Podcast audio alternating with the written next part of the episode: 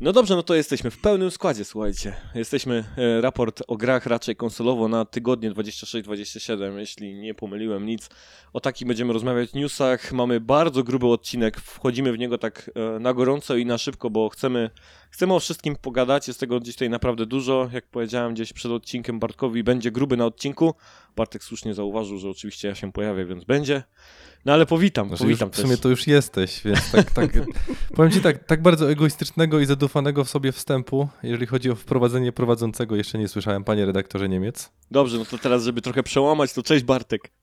Tak, dzień dobry Państwu, witam. Re- Redaktor Michalski z tej strony i chciałem w sumie powitać wszystkich i przeprosić, dlatego że wy tego nie będziecie widzieć, ale za każdym razem jak Tomek będzie jechał po, e, po Xboxie lub po Microsoftie, ja będę zmieniał z tyłu tło, więc prawdopodobnie muszę kupić jutro nowe LEDy, bo się przepalą kuźwa od tego jego e, hejtu, jadu, który dzisiaj będzie wylewał. A ja jakoś będę musiał po prostu ich dzisiaj bronić, bo no biedni, pokrzywdzeni przecież. No, jak chcą dorobić się 50 500 miliardów e, rocznie zysku w 2030 roku. Więc no, w porównaniu z tym, co wiecie, z tym jadem Niemca, to oni to, oni to mają takie minimalne, bym powiedział, takie realistyczne zachcianki, nie? To jak te twoje LEDy będą się tam jarzyć, to je będzie widać i z drugiej tam, wiesz, z tego, z, z kosmosu tam. Ciekawe, czy tam astronauci będą obserwować taki Na zielony... pewno z Bytomia, na pewno z Bytomia będą widzieć, nie? OSS Bytom zobaczy. Z okna będę patrzył, coś tam się dzieje. No ale także witam i ciebie, Norbert, na nagraniu. E, Gorące cześć i grubiutkie dzień dobry. O, proszę, jak ślicznie, ładnie się e, przywitaliśmy. Dobrze, no to teraz jak już jesteśmy wszyscy, to możemy lecieć e, z rozgrzewką. Zaczynamy rozgrzewkę oczywiście od tego, co tam się podziało na Spotify. Norbert, jak myślisz, ile było kup w ankiecie? No liczę na jedną. Jest jedna. Jest. Jest jedna, pozostałe cztery głosy na trzy gwiazdki, więc maksimum, więc raczej odcinek się e, podobał. Jest stabilnie, jeśli chodzi o kał. Trzymamy poziom. Stabilnie zdrowo. Bartek kręci głową. A tak, Bartek, ty rzadko jesteś, więc wiesz, przyzwyczaisz się. No, ja, ja dalej nie potrafię po pięciu latach współpracy z tobą przyzwyczaić się do twojego fekalnego humoru, naprawdę. To jest dla mnie coś dalej zaskakującego. No, tyle już nagrywania. Cóż dalej mamy? Aktualizacja ofert. Zaczniemy od e, plusika, albowiem do Essentiala wpadły Call of Duty Black Ops Cold War i uwielbiam, kiedy serie mają już tylko nie jeden podtytuł, ale teraz mają już dwa podty podtytuły. E, do tego jeszcze Endling, e, ciekawy indyczek o liskach, chyba tak to było, jeśli dobrze Mhm, kojarzę. I dokładnie. Alanek obudzony, odświeżony, czyli Alan Wake Remastered. E, Jak wpadł powiedziałeś Alanek, to ludziom się może źle kojarzyć z innym Alankiem, więc prostuj, proszę. Dobrze, to Alan Wake Remastered, teraz już całkowicie na poważnie. E, Tytuł, o którym rozmawialiśmy z Anią na ostatnim Gamecastie, bo tam trochę gdzieś e, dwójka jest na horyzoncie i mówiliśmy, że odświeżonego Alana Wake'a można by sprawdzić, więc proszę. Idealnie. Sony słucha, ja mówiłem. Hmm? słuchają zarówno Gamecastu, jak i raportu słuchają i wrzucili po prostu. Ja wiedziałem, nie? Tutaj jesteśmy i, i influencerzy, także nie dla branży całej po prostu. Nie, nie, mówiłem ci Tomek, my jesteśmy outfluencerami. Outfluencerami? Na Jedyną rzecz, którą możemy szerować ludźmi to jest grypa, czyli influenza. A, dobrze, okej. Influenza Tak, się no. rozszerza. Znaczy, wiesz, biorąc pod uwagę twój i mój wpływ, że nawet nie mamy wpływ na, na własne rodziny, tylko tak jakoś no, leci, no to, to, to, to, trochę marny mamy ten influencyzm. Nie, tak średnio. Tak średnio, średnio. Jak tam, e, coś z tego widzicie takiego interesującego? Coś Norbert sprawdzisz z tej trójki? No, na pewno wszystko bym musiał sprawdzić, jak znajdę czasu, ale super, że ten Mhm. Alan Wake się pojawił, bo akurat przed dwójką to idealnie. Zresztą tak jak mówiliście, że super, że będzie można właśnie go nadrobić, bo to idealne wprowadzenie do tej dwójki. Mhm. Tak, to jest zdecydowanie przemyślany gdzieś tam zabieg, wrzucenie teraz e, go przed dwójeczką, więc e, no tak, warto sobie gdzieś odświeżyć. E, I także odświeżenia otrzymała aktualizacja oferty mm, Game Passu. I tutaj mam wypisane sobie takie rzeczy, że z dostępnych obecnie już gier jest GTA 5 w chmurze i na konsolach, Sword and Fairy Together Forever, cokolwiek e, to jest w chmurze i na konsolach i na PC-tach, Mac Pixel 3. Mac Pixel to jest chyba gra tego. e, Z Sosnowskiej, Sosnowski jest ten, ten, ten, ten polski e, game developer, tak mi się wydaje, że to jest chyba ta, ta jego gra, Polaka. Taki indyczek bardzo mocno pixelartowy. E, I potem Common Hood na, k- w cloudzie, na konsolach na PC i Insurgency Sandstorm to jest strzelanka tylko na PC-tach. Cóż to dalej potem jeszcze? Aha, i niedługo dostępne będą, 14 lip, lipca. Exoprimal, czyli jest to ta strzelanka od Capcomu, ta nowa kooperacyjna, gdzie będziemy się tam naparzyć z, z, z, z dinusiami. The Cave na cloud i na konsolach, to akurat polecam. Nie wiem, czy graliście w The Cave. To jest dosyć już e, leciwa gra, naprawdę, naprawdę leciwa. Ja pamiętam ją z, e, gdzieś tam z pierwszych lat PS4. To był z takich pierwszych, jeden takich pierwszych indyków, które ogrywałem gdzieś na PS4. Mercenary Kings, The Cave, to są między innymi ta, te, te lata. E, to jest point and click, taka przygodowe point and click. E, I bardzo, bardzo przyjemna gierka The, The Cave. Jeżeli ktoś nie grał, to, to mocno polecam. E, Tektonika, to również tam na, e, w chmurze, na konsolach i na PC. To wszystko gdzieś tam pojawi się niedługo w Game Passie. I co wypada z niego? Exo One, Paw Patrol The Movie i Spelanki 2.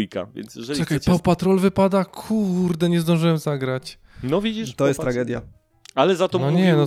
Ostatnio mówiliśmy z Norbertem, że dużo tych gierek dla dzieci jest w ekstra, nie? To chyba na ostatnim raporcie Mhm, o tym mówiliśmy, tak, że zarówno Paw Patrol, jak i tam Świnka Pepa chyba Nie, nie, jeszcze, raz mi, jeszcze raz mi ktoś puści Paw Patrol i ja już się naprawdę pożygam. Ja już nie, nie mam w ogóle tego. Moje Nie, to jest dzieci już jeden z tych po. seriali. Nie, nie, nie. Ja, dzisiaj na przykład oglądaliśmy Mądroboty. To, to, to ja wiem, że zaczynamy odcinek w dobry sposób, ale to przynajmniej jest edukacyjny Tak. e, rzecz, która No, pokazuje bardzo fajne rzeczy, a potem oglądasz ten Paw Patrol i myślisz, kurde, czy ludzie od Power Rangersów przypadkiem nie stwierdzili, że zmieniają branżę i robią dokładnie to samo, tylko zamiast kitowców dają kotowców? O, kit, kot. Może im się po prostu przy, przy translacji pierdzielnęło i powstały koty. Może. Nie, to straszne. nie. Nie, nie, jest. Paw Patrol jest spoko, tak samo jak ten. E, Pijamersi są też ekstra. E, no i Spelanki dwójka wypada 15 lipca, więc jeżeli jeszcze O. macie o, okazję, to, to dwójeczkę można jeszcze pograć, póki jest e, w Game Passie. Albo zobaczyć na streamie u Tomka. A nie, to jedynkę, ja gram w jedynkę. No wiem, ale teraz będzie na dwójka. Masz do 15 lipca czas. No tak, szczególnie w. Game Passie. To tak dla mnie jest bardzo mocno. Ech, I standardowe pytanie. Czy coś z tej oferty wpadającej tak bardzo jakieś was zainteresowało? Ale do, do Game Passa? No. Zawsze tak rozmawiamy o tym Game Passie, nie? Tam przeważnie były ciekawe gierki. Tam ostatnio nawet ta taka Dogon Rompa... Nie, nie, nie Dogon... Go, Dorgon Goa chyba, tak? Ta, taka, ten taki bardzo ładny malowany indyczek, to chyba o tym Norbert gadaliśmy, że wpada do Game Passa e, Day Mm. One. Taki, on wyglądał na takie pastele Studio Gilby. Mm. Pamiętasz o tej Tak, dziewczynce? tak, tylko, tylko już inaczej tytuł chyba to ale nie mogę przypomnieć jaki to był. Mm. No, to, więc przeważnie coś tam ciekawego wpadało, ale tutaj muszę powiedzieć, że no, ten GTA 5 to, to jest jakiś tam duży tytuł. On się sprzedaje, GTA 5 cią- ciągle się sprzedaje, więc to jest pewnie coś, co wpada. No ale tak, to z tych innych Exoprimal, fajnie, że to wchodzi jako tamten, to od razu duży install base będzie, bo to też jest taki na razie znak zapytania, nie? Jak, jak Mhm. się tam strzelanka przyjmie. No ja, ja liczę, że ludzie trochę to pograją, to może Capcom się przekona, że warto odświeżyć te Dino Crisis w końcu. No, no tak. Szczególnie, że tam ta jedna postać z tymi czerwonymi włosami, naprawdę No, to, było, T- mogliby sobie darować. zapowiedź to przecież, to był cios, cios czuły punkt dla wszystkich fanów. Dokładnie tak. I teraz mam jeszcze szybkie e, trzy newsy na sam start, jeszcze rozgrzewki, zanim przejdziemy do creme a la creme, e, creme de la creme naszego odcinka. Po pierwsze, wraca Game Pass za dolara.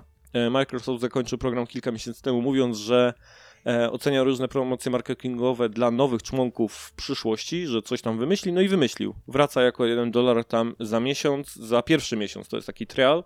Ale Bartek, ty tam wyczytałeś, że to jest tylko na PC-tach? Że to nie jest na konsolę, żeby nie było. Na konsolę dalej nie ma tego triala.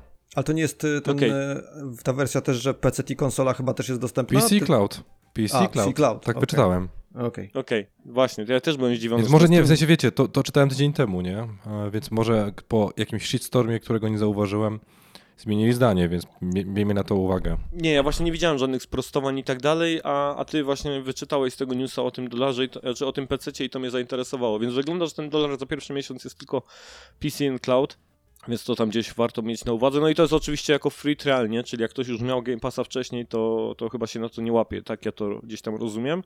No ale wrócił ten do, dolarowy. I zaraz dwa sprostowania.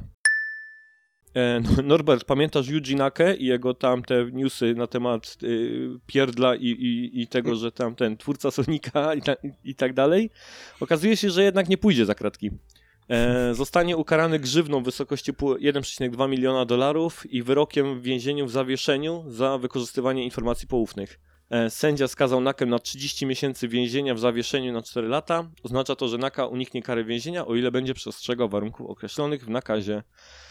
Czyli jednak Yuji Naka nie trafi do więzienia za swoje gdzieś tam uczynki e, w Sedze, więc to takie sprostowanie tylko szybkie, bo o tym gadaliśmy gdzieś e, w poprzednich e, newsach, więc upiekło mu się. I co to jeszcze? Aha, ostatnie tknienie piątku 13. To też mówiliśmy o tym, że jakaś sytuacja z tą grą, że zostanie ściągnięta ze sklepów i że została teraz chyba tam za 5 dolarów um, Mhm. cena obniżona. To tutaj jeszcze dodatkowe informacje, że twórcy tak jakby maksymalizują level wszystkich graczy od razu, odblokowują wszystkie tak jakby umiejętności i wszystko, co w grze jest e, przed usunięciem gry, no i gra zostanie usunięta z końcem tego roku, tak? Czyli nie dość, że jest tania bardzo do kupienia, to teraz wszystko jest odblokowane od razu, nie? Więc... e, Spoko pomysł.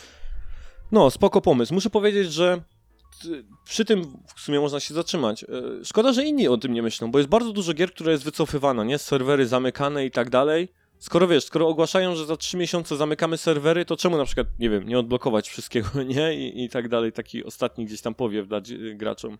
No żeby dokładnie. nie wkurzyć ludzi, którzy to kupili. No niby tak, nie? Ale to jest też takie, kurcze... Przecież Ale- kupili to i grali w to przez długi czas, nie? Więc Właśnie. ten ostatni miesiąc to...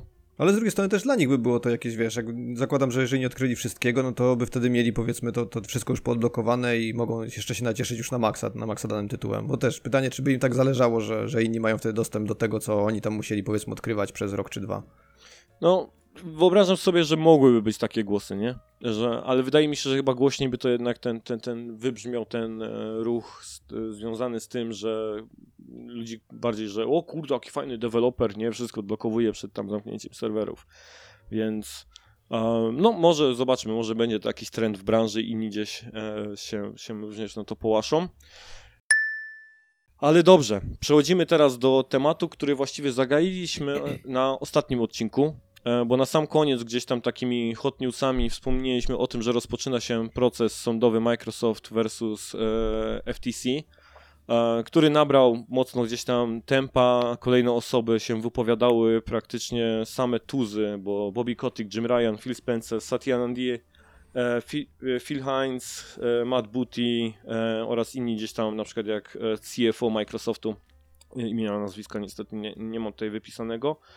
No ale same bym powiedział, duże nazwiska się wypowiadały, e, będąc gdzieś tam obarczone obowiązkiem mówienia prawdy przed e, tym, jak to się mówi, składając przysięgę.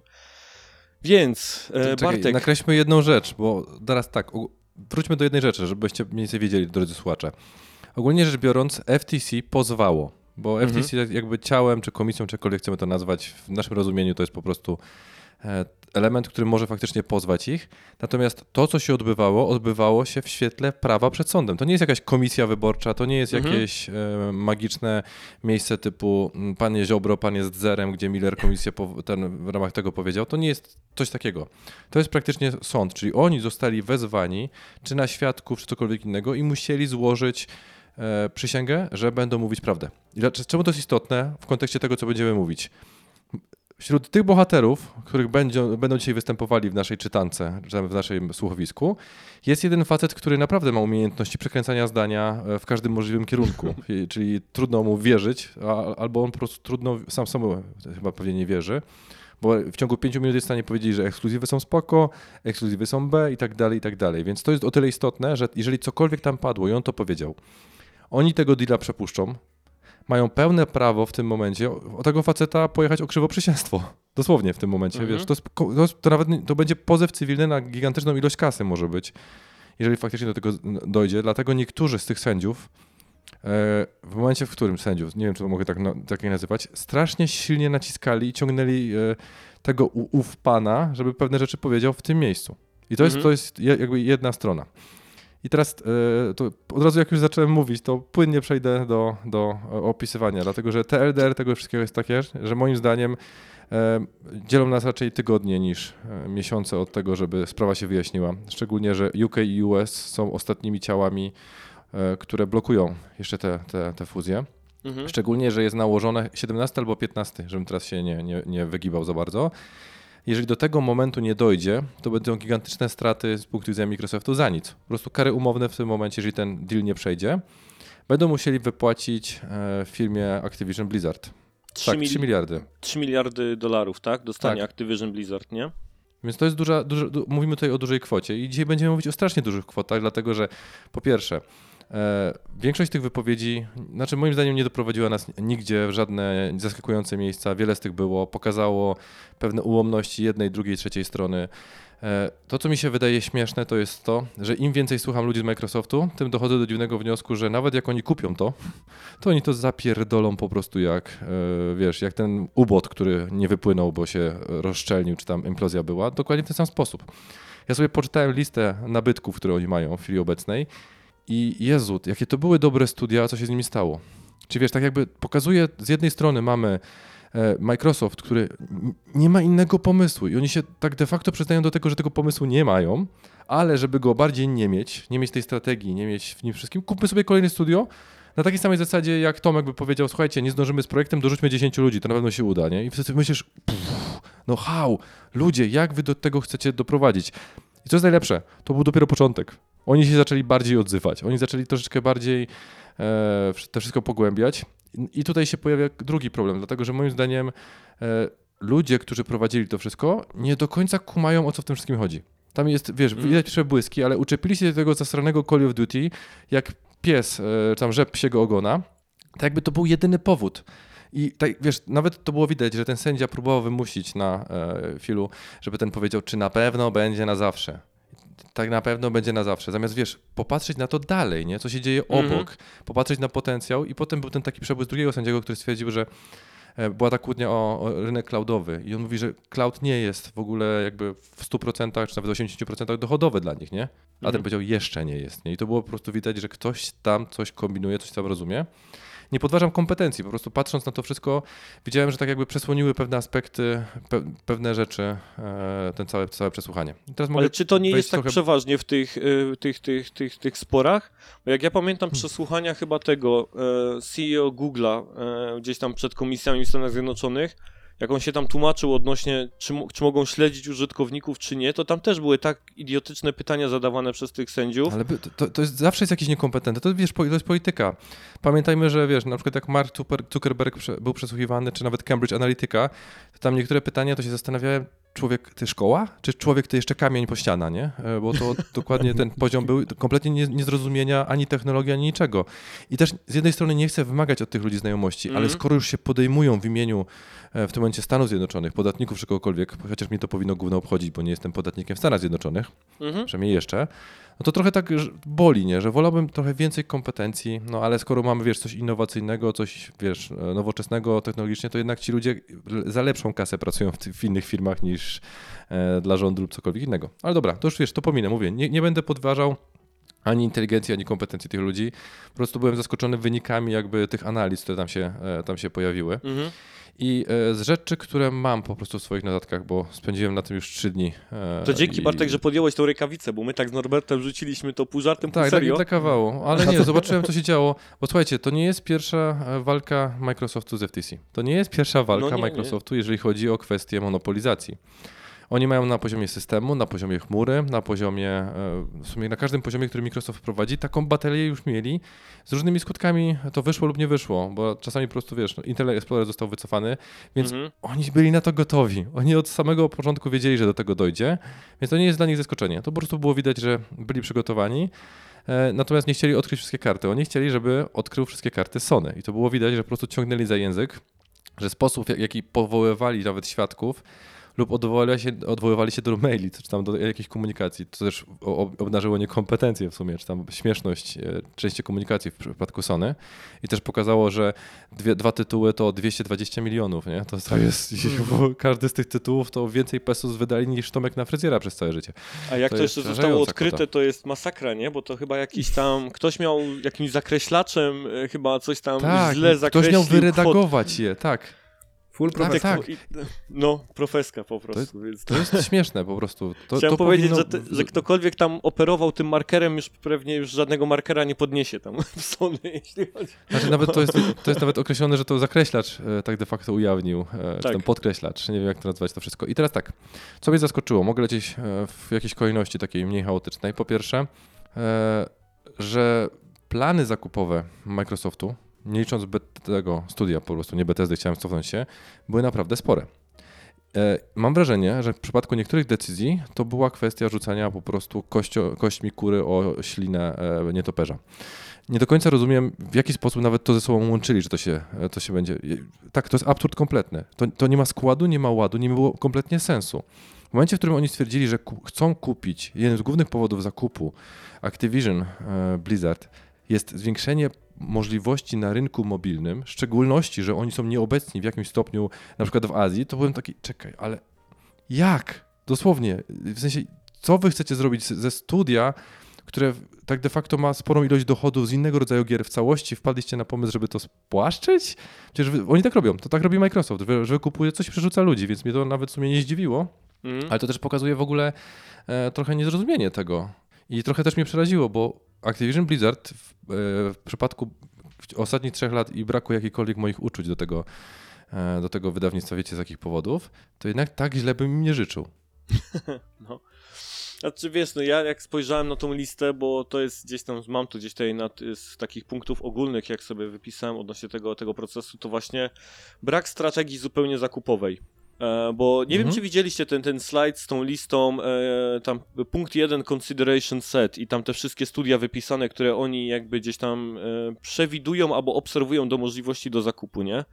Ja was Mhm. nie będę zamęczał, drodzy słuchacze, i czytając te wszystkie tutaj nazwy, nie? Ale powiedzcie mi, jaką strategię ma Microsoft w zakupie Ember Lab? Dla- Powiem wam, Ember Lab to jest studio, które wypuściło Kenę niedawno, nie? Albo jaką strategią może być zakupienie Housemark? Yy, Znaczy, jeśli mogę powiedzieć, jak też potrzebujesz, bo oni to powiedzieli później, Bo jest jeszcze że tak, u nich czas, czasami design. strategią zakupową nie jest kupienie czegoś, co jest im potrzebne, tylko na zasadzie, żeby Sony tego nie miało. Dokładnie tak. Jest, słuchajcie, jest Gen, Gen Design, to jest nowe studio Fumito Uedy, tak? The Last Guardian Shadow of the Colossus. Jest tutaj Hello Games. E, jest e, z wydawców, jest Annapurna, 505, De- Devolver Digital. E, Mhm. no dobra, nie, nie chcę czytać, bo wyobraźcie sobie po prostu listę wszystkich marek, jakiekolwiek znacie, jeśli chodzi o studia i wydawców, to były ich potencjalne zakupy. E, i, ten. I jeżeli ktoś mi wymyśli strategię Microsoftu, która opiera się na jakimś stopniu, że te wszystkie studia mają sens w jakimkolwiek zakupie przez Microsoft, to ja stawiam piwo. E, generalnie No to się nawalisz z Philem Spencerem. Nie wiem, Norbert, jak ty tak patrzyłeś na tą listę, to, to widzisz tutaj jakiś sens, strategię? To, to nie jest e, plan zakupowy żaden, tylko to jest szał zakupowy. Taka, taka, lista w stylu, jak sobie czasami ludzie potrafią stworzyć, że o, chciałbym mieć tam ulubione marki samochodów i sobie wypisujesz, co w swoim super idealnym garażu byś trzymał, no to to na tej samej zasadzie, że wypisaliśmy sobie studia i wszystkie fajnie byłoby mieć, ale to głównie z tego powodu, o którym właśnie wspomniał Bartek, że tak naprawdę nie chodzi o to, żebyśmy my je mieli, tylko żeby inni ich nie mieli. No, ale popatrzcie, jak, jak, życie im skopało troszeczkę tyłek. Bo na przykład padło informacja, że oni na, w swoim szale zakupowym chcieli kupić Square Enix z powodu tego, że robią, e, chcą trafić na rynek japoński, gier japońskich. Mhm. I co zrobi Square Enix w chwili obecnej? Jakie te japońskie gry typu Final Fantasy XVI? Pozdro Wiedźmin? E, w sensie, tak. wiecie, od- odejście od tych korzennych, czyli z jednej strony Activision Blizzard mają służyć do zupełnie czego innego niż teraz jest główne revenue e, Activision Blizzard, bo ja nie twierdzę, że nie, tworzą, nie twierdzą gier mobilnych, bo bym był Philem Spencerem e, i trochę bym naginał prawdę, ale to nie jest ten cel. Ale popatrzcie, co, co było dalej. Dlaczego kupili Starfield? No, W sensie Starfield, e, Bethesda. producenta Starfield. Tak, to się ładnie nazywa, jak to było? Zenimax Czekaj, Media, nie? Zenimax, całe media, nie? Kupili dlatego, że bali się o to, że Starfield może trafić na PlayStation i stać ich ekskluzywem. Mhm. Zaskakujące, nie? Dlaczego ni stąd, ni zowąd kupili e, inne, na przykład studia typu właśnie e, Ghostwire i Deathloop miały trafić jako ekskluzywy. I przez to tak de facto zablokowali to. E, I teraz to nie jest ekskluzyw, tylko ekskluzyw czasowy. To wiesz, jest Mhm. niebagatelna różnica. Ja nie mam danych, jakie są, e, jaka jest grywalność tych tytułów. E, Mhm. I jaka jest grywalność w związku z tym, że e, była ta roczna wyłączność, ale mogę strzelić w drugą stronę. Te same ta- taktyki i strategie były realizowane na przykład w przypadku Tomb Raidera. Bo Tomb Raider się pojawił dopiero po, po roku chyba, 2015-2016 był dopiero na Sony. E, Więc tak de facto wiesz, bez sensu kompletny. Szczególnie, że oni wielokrotnie się zasłaniają tym, że to nie jest, że oni lubią heavy metal i lubią pogowanie, to jest kwestia, że oni są, kochają muzykę klasyczną, ale DJ-em jest y, koleś, który puszcza non-stop Slipknot, więc oni muszą pogować, bo inaczej się nie da, nie? I tak tutaj pokazują po prostu e, tą walkę o ekskluzywy, nie? Że oni po prostu muszą mieć ekskluzywy, bo Sony ma non-stop ekskluzywy, nie? I to jest, tak sobie myślisz, czy wy przypadkiem nie macie swoich ekskluzywów, macie dokładnie te same rzeczy i zamiast skupić się wiesz, na dowydawnictwie, czyli na tworzeniu nowych IP-ków czy cokolwiek innego, wy jakby zasłaniacie się i tak to nie jest, że ja, dla mnie to jest, to w większości wypadków to była po prostu jakaś forma farsy. E, Dopiero jak zaczęły się pojawić faktycznie osoby, które ja uważam za kompetentne, na przykład- Satya Nadella, który po prostu powiedział, e, na czym mu zależy i jakie mają być liczby i co mają się postarać, że chciałby, żeby faktycznie całość Microsoftu dawała odpowiednie revenue i żeby, o ile się nie mylę, wzrost fiskalny z roku na rok był 10%, to jest dość dużo Mhm. i że do tego wszystkiego ma się dokładać e, część związana z Xboxem. Która obecnie teraz- traci tylko i wyłącznie, nie? Jest na minusie, nie? Tego nie na rok. wiemy, bo nawet nie wiemy ile, nie? Mhm. Znaczy nie, tam chyba Ale te momencie, liczby którym- były, wydaje mi się, ale to już nie będę teraz ich przytaczał. Ja nie wiem, jakoś tego, tego wszystkiego nie wierzę, nie? I wiesz, do, do, dokładasz do tego faktycznie kupienie Blizzard Activision, w którym na pytanie, e, pyta, dlaczego Kotik w ogóle chce sprzedawać, to on mówi, że nie chce sprzedawać, e, że tak de facto to, tak de facto to board zdecydował, Tak. bo e, tam przepłacili ich. No, z Bo- taką wiarą to tam będą zajebiste gry powstawały, ja tak czuję, wiesz? Ja tak mam po prostu podskórnie już czuję, że tam ci ludzie na pewno tam zostaną, założą nowe studio, które Microsoft kupi za 3 lata. Oh wait, Bobby, Bobby. Kotick jest dla mnie gwiazdą, a czy no jedną, no taką jedną z jaśniejszych gwiazd tego procesu, bo takiego gościa, który tak sabotuje ten, e, ten zakup, to ja, to ja muszę powiedzieć, że nie wiem. Czy oczywiście No sabotuje, to jest, to jest w, w, cudzysło, w, cudzysłowie sporym, bo e, tak są obserwatorzy, którzy gdzieś to też jak na żywo oglądali ten proces, to też tak się odnosili do tego, że Bobby wygląda na osobę, która generalnie to wygląda jakby się chciała wycofać z tego dealu. Bo raz, że właśnie odpowiedział na to pytanie, że on to w sumie nie chce sprzedawać i, i board zadecydował bardziej niż on, e, że, że będzie ta sprzedaż, ale potem co on powiedział, jak on, to nie jest dokładny cytat, ale takie można powiedzieć Mhm. mocny skrót, e, nigdy nie wydawałbym gier Day One w Game Passie, ponieważ nie ma z tego hajsu. No tak. No, znaczy, no ja to wiem, Bartek, ty to wiesz, Norbert, my to wiemy, tak? Ja to powtarzam już od dawna Znaczy, tak nie wiem, naprawdę. Mor- Norbert się właśnie może dowiedział, więc dla niego to jest zaskoczenie. Nie no, Norbert jakby nawet co, to musiał tam, zmuszony został słuchania Gamecastu, więc już nie raz o tym słyszał pewnie ode mnie e, odnośnie hajsu i z gier Day One w, w Game Passie. Więc no muszę powiedzieć, że jak on zaczynał o tym wszystkim mówić, to takie damn, no, to, to wygląda na to, że jednak chyba nie chce. No ale Bartek, tak jak e, już zagaiłeś o tych liczbach, nie? Że tam przez te Mhm. problemy z tym e, wyredagowaniem tych liczb, czy wiemy o tym, że For, e, Forbidden West i The Last of Us Part 2 kosztowały potem 220 200-220 milionów dolarów chyba, jeśli chodzi o, o Tak. produkcję. To są gigantyczne Ale z kwoty. marketingiem, z wszystkim. To nie, nie, to nie jest tylko produkcja. Tak, to jest cała kwota No wiem, dosprzedażowa, jaką- ogon tak. sprzedażowy i tak dalej, nie? No wszystko, nie? Tak jakby kosztowały razem z marketingiem i produkcją tyle gdzieś tam ten e, wyszło e, kwotowo, no to jak on sobie tak przytuli za jakiś czas te 3 miliardy, no to trochę takich Forbidden Westów jest w stanie za to zrobić, nie? Tak naprawdę za, za co? Za frajer. Jak, się, jak się okaże, że tak naprawdę e, te, te, ta kasa będzie musiała wpłynąć o, od Microsoftu, więc e, ile to jest? Mm, Siedem takich Forbidden Westów?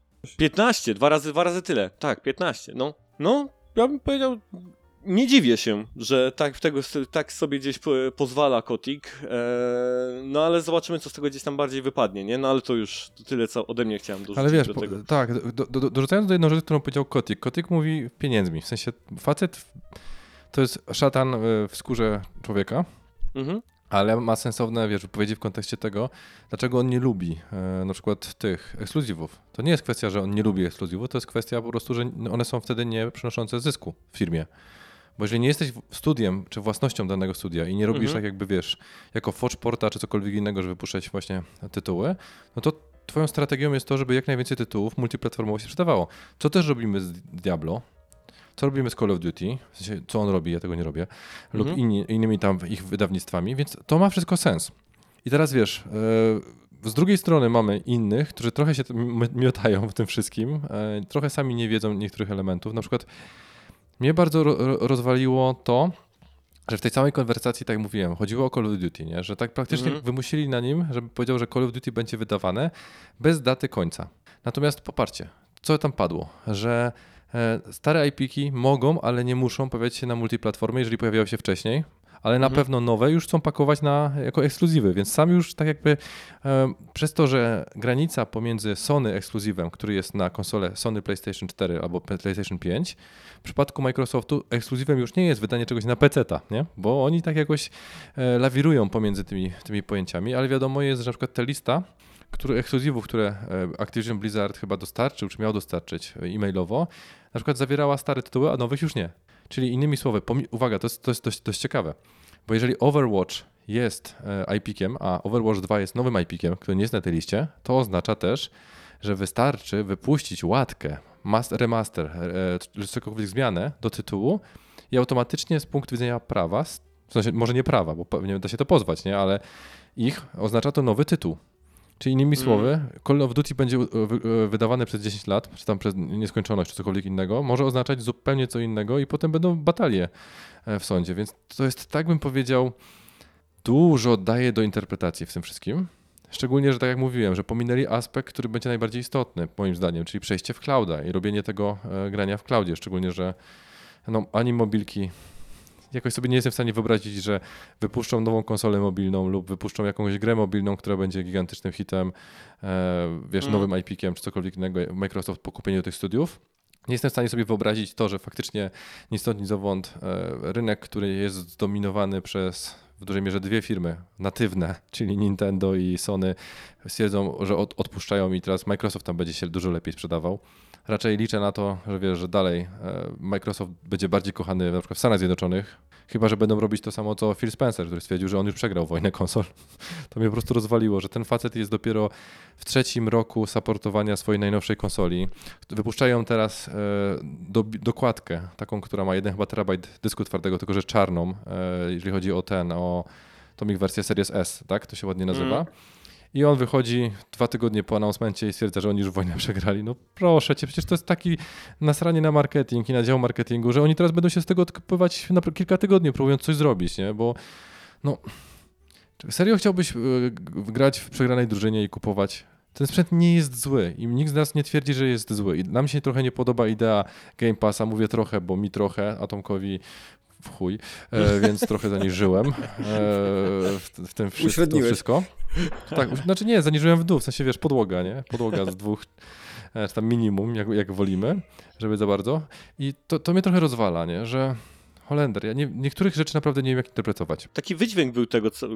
Tak, ale on jest dobry w języku. W sensie ja dalej twierdzę, że on może być dobrym manipulatorem. Albo naprawdę znać się na swojej robocie w kontekście tego, żeby jeszcze bardziej zaniżyć pewne elementy lub zrobić siły ofiarę, lub stwierdzić, że my przegraliśmy, więc wiesz. I teraz wyobraźmy sobie to, co powiedział twój ulubieniec, czyli Colin Moriarty.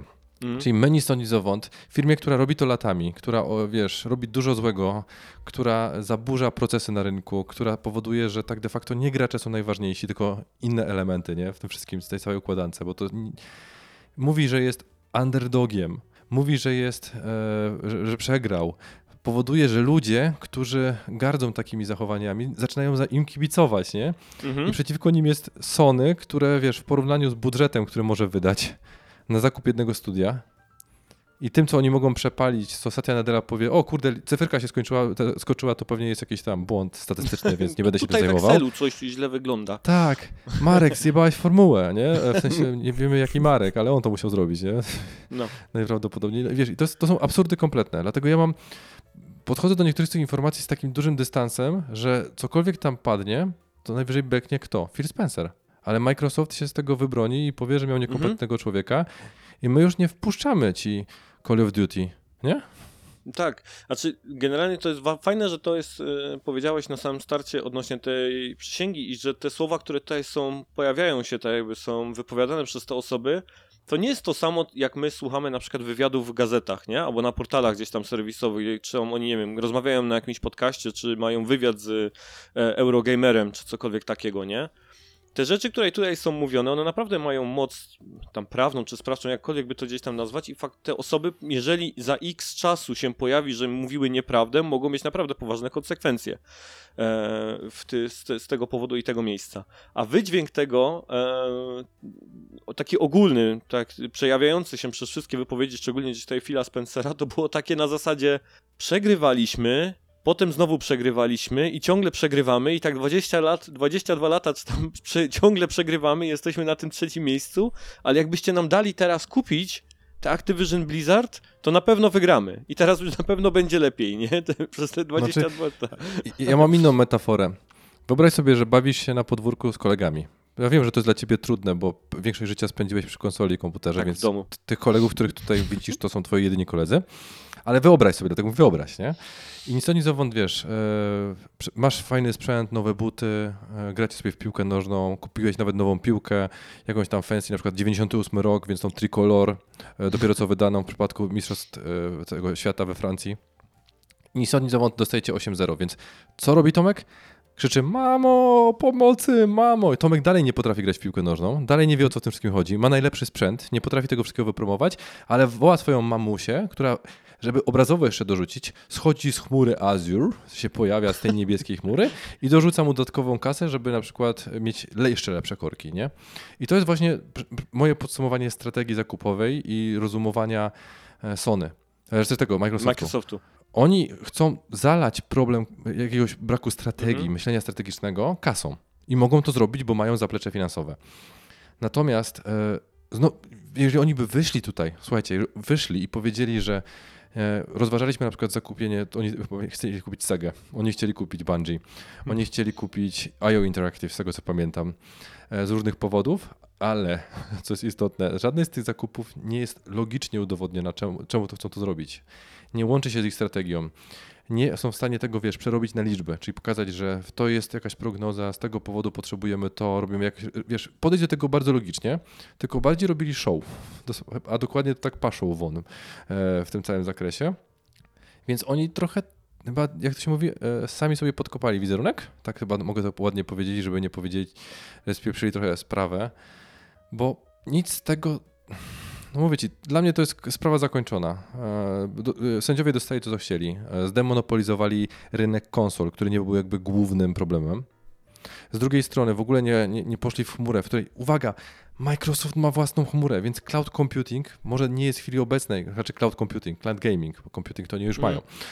Nie jest na wyciągnięcie ręki, bo jeszcze nie ma takiego, takiej potrzeby. Szczególnie, że mi się fenomenalnie podobał żart, ale mieli statystykę, że podobno nie pamiętam teraz ile procent, ale e, chyba około 80% ludzi w ogóle nie wykorzystuje cloud gamingu. Robi to tylko po to, jak się gra ściąga. Żeby mogli już w nią zagrać teraz, nie czekając na to e, gigantyczne ściąganie. Nie? A Mhm. potem, jak mają już lokalnie, to ogrywają lokalnie. Więc oni mieli na to liczby i to jest w sumie jedyna rzecz, która mnie zaskoczyła pozytywnie, że poparli liczbą. W sensie, wiesz, to, to Mm. logiczne, to tak bym ja był ja. Ale to też pokazuje, wiesz, jak ludzie są przyzwyczajeni. I to mówimy o ludziach, którzy do tej pory, typu, szanują sobie kopię fizyczną, trochę się boją tych dużych firm, że szczególnie, że jakieś cyfrowe elementy, do których mają dostęp, mogą zniknąć, ale za 10 lat, za Mhm. 15 lat będzie inne pokolenie ludzi, będzie inne możliwości technologiczne, może chmura będzie jeszcze lepsza, więc to, o czym oni nie mówili, prawdopodobnie stanie się dużo większym problemem monopolizacji, bo Sony nie ma swojej chmury i mieć nie będzie. Chyba, że ktoś znowu zrzuci dwie bombki, wtedy będą mieli inną chmurę, ale takiej chmury nie chcemy widzieć nad, nad Japonią, ona nie jest dobra. I też była produkcja amerykańskiej, żeby nie było. Jakby ktoś potrzebował Oppenheimera, to polecam. Nomen kinach, omen. będzie. PlayStation ma swoją infrastrukturę sieciową postawioną na Azurze. To też jest warto tutaj zaznaczyć, nie? Nie wiem, czy pamiętacie Myślą- o tym. ale, ale cały PlayStation Network e, to był gigantyczny deal zrobiony między Azurem a, a PlayStation, a Sony głównie, że właśnie infrastruktura stoi na Az- Azurze. Mnie to zdziwiło, ale faktycznie tak jest, nie? Że, że, że tak zostało gdzieś tam dopięte.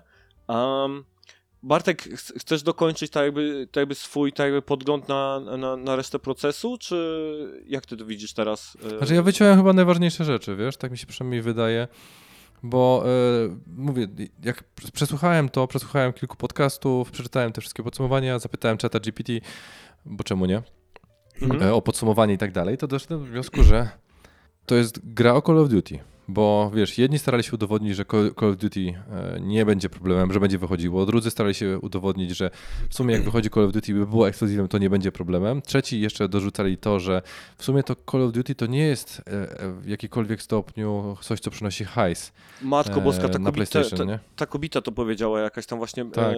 z Microsoftu, że, że generalnie rzecz biorąc Call of Duty nie jest jakimś tam ogromnym graczem i że ten tytuł nie jest tak zna, znaczącą marką. Um, I nie wiem, czy tutaj chcemy przytoczyć te liczby, które również zostały tak jakby słabo stensurowane odnośnie tego Call of Duty. Masz to tam w tych swoich notatkach odnośnie... Znaczy przy- mam, nie, nie jestem w stanie odszyfrować w sensie teraz notatek, więc e, To ja może z tego pod co rozumiałem, No. e, po prostu tylko e, jeżeli chodzi o PlayStation ma milion grywa, e, gry, gry, graczy jednocześnie, w sensie w, e, jeżeli chodzi o ten tytuł. Natomiast całość zysków z samego Call of Duty to Mhm. jest tylko 15,9 miliarda dolarów. Nie? No, to, to, to, to ja potrzebuję tylko 1 dziesiątej tego tylko na swoim koncie i jestem tylko do końca życia urobiony. I to są te dwie rzeczy, które sobie wynotowałem. 800 milionów Bo- jest w samych Stanach Zjednoczonych e, rocznie zysku e, z CODA dla Sony. I teraz, żebyście Mhm. sobie to w perspektywę wzięli, nie? Sony nie produkuje tych gier. Tak jakby nie ponosi żadnych kosztów z produkcją CODA, nie? Oni tylko mają w swoim storze te gry i mają te wszystkie pierdółki, które ludzie kupują, skórki i tak dalej. I za samej tej gry dostają czter, budżet czterech Forbidden Westów. Za tylko posiadanie Call of Duty na swojej platformie. A, I potem ktoś wyskakuje i mówi, że ta marka wcale nie jest istotna. Że ona w sumie nie jest aż tak duża, żeby można było ją Czekaj, łatwo zastąpić. E, żeby a to, ten, co żeby bu- a- wrzucić jedną rzecz. No, Tomek, e, załóżmy, że nie sprzedają żadnych skórek. W sensie, że to jest tylko cena z Call of Duty. Pamiętasz, ile jest hajsu dostaje Sony z jednej gry e, sprzedawanej na tym? jedno, e, 30%, nie? 30%, więc teraz wyobraź sobie, że to 800 mili e, tam milionów, Mhm. tak mówimy o 800 milionach, to jest 30% Tak. kwoty sprzedażowej. Tak, tak, tak. To jest tylko 30% W sensie tak tylko z tytułów, nie? To tak, ale wyobraź sobie, i oni mówią tylko o, że jest 1 milion graczy grających w Call of Duty. To ja się pytam, kto tam tyle hajsu przewala? Tam jest, e, tam, tam były takie, więcej tych liczb było podanych. Tam były podane liczby osób, które grają tylko i wyłącznie w CODA. Właśnie ja to sobie wynotowałem, to e, No. mam to zapisane, że w 2021 roku właśnie 1 milion użytkowników grał tylko w Call of Duty na Playaku. Nic więcej. Tylko. Czyli przez cały rok włączyli tylko tą jedną grę i tylko w nią grali, a w ogóle jeszcze mam zapisane, że 6 milionów w ogóle graczy e, PlayStation 70% czasu poświęciło na Call of Duty. Czyli już ta liczba taka, że które tam pojedyncze jakieś powiedzmy kilkanaście godzin może w ciągu roku na coś innego, ale tak to większość też, czasu też Call of Duty, więc to są Jakby niesamowite... potrzebował inne statystyki, to my mamy z Bungie takie, nie? Dwóch osób ile poświęcają na, na Destiny 2. Da Cezar i Czacza. No ale jak ja, powiem wam szczerze, jak ja usłyszałem te liczby finansowe, jakie co ty- wykręca tutaj e, dla PlayStation, to ja absolutnie się nie dziwię, że to jakby tam się zagotowało i że oni się będą szarpać o tego co da, jak o, o szynkę. No bo No, Norbert, powiem ci dalej. dzi- dziwisz się, żeby tak się szarpali o to przy takich liczbach? No właśnie, że to jest, to jest totalnie racjonalne, tak naprawdę, że, że teraz o to walczyć, skoro, skoro tyle, tylu tak naprawdę graczy sięga po, po taką tą i wydaje tak, taką kasę w, w danym tytule. To teraz nagle, jeżeli go zabieramy z danej platformy, to co oni zrobią w tym momencie? No idą tam, gdzie jest dostępny dany tytuł i tam wydają całe te pieniądze, więc No. prosta odpowiedź. Ja, E, ja, no, Nie, dawaj. mi się wydaje jeszcze jedna rzecz, bo teraz pójdę teorią spiskową. Popatrz, jakie zło wy, e, zrobił ten Sharpie. W sensie on zrobił dużo, trochę też dobrego, nie? Tak jakby po prostu, wiesz, jakaś strategia typu o Jezu, wypadło mi ten, tysiąc złotych na ten, żeby pokazać, że się ma tysiąc złotych, nie? Tak trochę. Mhm. I pokazali, ile tak de facto mają zysku przy jednoczesnym pokazaniu, ile first party pochłaniają.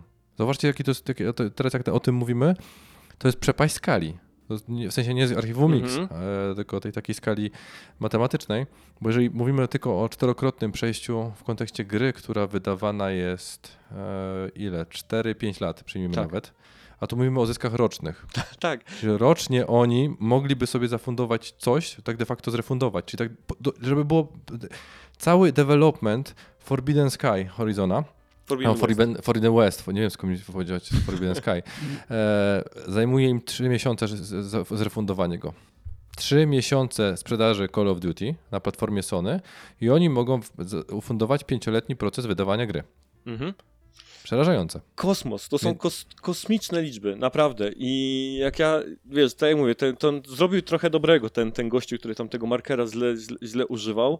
Ale Bartek, ja nie wiem, czy ty pamiętasz na Gamecastie jeszcze, jak mieliśmy newsy, to kiedyś y, już rozmawialiśmy na temat jakichś maili czy, czy pierwszych pozwów, chyba to przy Komisji Europejskiej było, kiedy tam, ja takie zdanie sobie przypominam, że Sony chyba tam mówiło, że, że em, korzyści finansowe płynące tak jakby z posiadania Call of Duty na naszej platformie to jest ilekroć tam było i teraz nie wiadomo czego. Tak jakby, że to było, że kilka razy coś. Tak jakby. To tutaj mamy dokładnie Mhm. odpowiedź, nie? To, to, to, to właśnie o to chodziło tak naprawdę, nie? Że po prostu, że sam zysk to jest ile, ilekroć w tak naprawdę funduszu, jaki poświęcamy na development naszych gier e, AAA, nie? Mhm. Więc to, to dokładnie teraz wiemy, o co im tak gdzieś tam naprawdę chodziło. Um, No ale wiesz, Call of Duty i Diablo. To są franczyzy, które e, zawsze będą robiły, szczególnie, że po rozmowie z kumplami odnośnie Diablo 4, e, które grają, oni stwierdzili, że lepiej się gra e, Mhm. w kilka osób, więc tak de facto wiesz, to, to są tytuły, które będą sporo osób do siebie przyciągały, niezależnie od tego, z jakiej są firmy. Mhm. I tylko, że no, to znowu jest to, jeżeli Microsoft może, a może sobie na to pozwolić, on może kupić studio typu e, właśnie Activision Blizzard za 90 baniek, miliardów tam pesos e, i zrobić z tego wszystko ekskluzywy, no to wiadomo ile będzie tracił i wiesz, to e, może być faktycznie wybór, że ten milion ludzi, tak jak powiedział Norbert, prze, przeniesie się na Xboxa, ale pozostali dalej mogą mieć powody, żeby zostać i po prostu stwierdzą, dobra, nie będę grał w Call of Duty.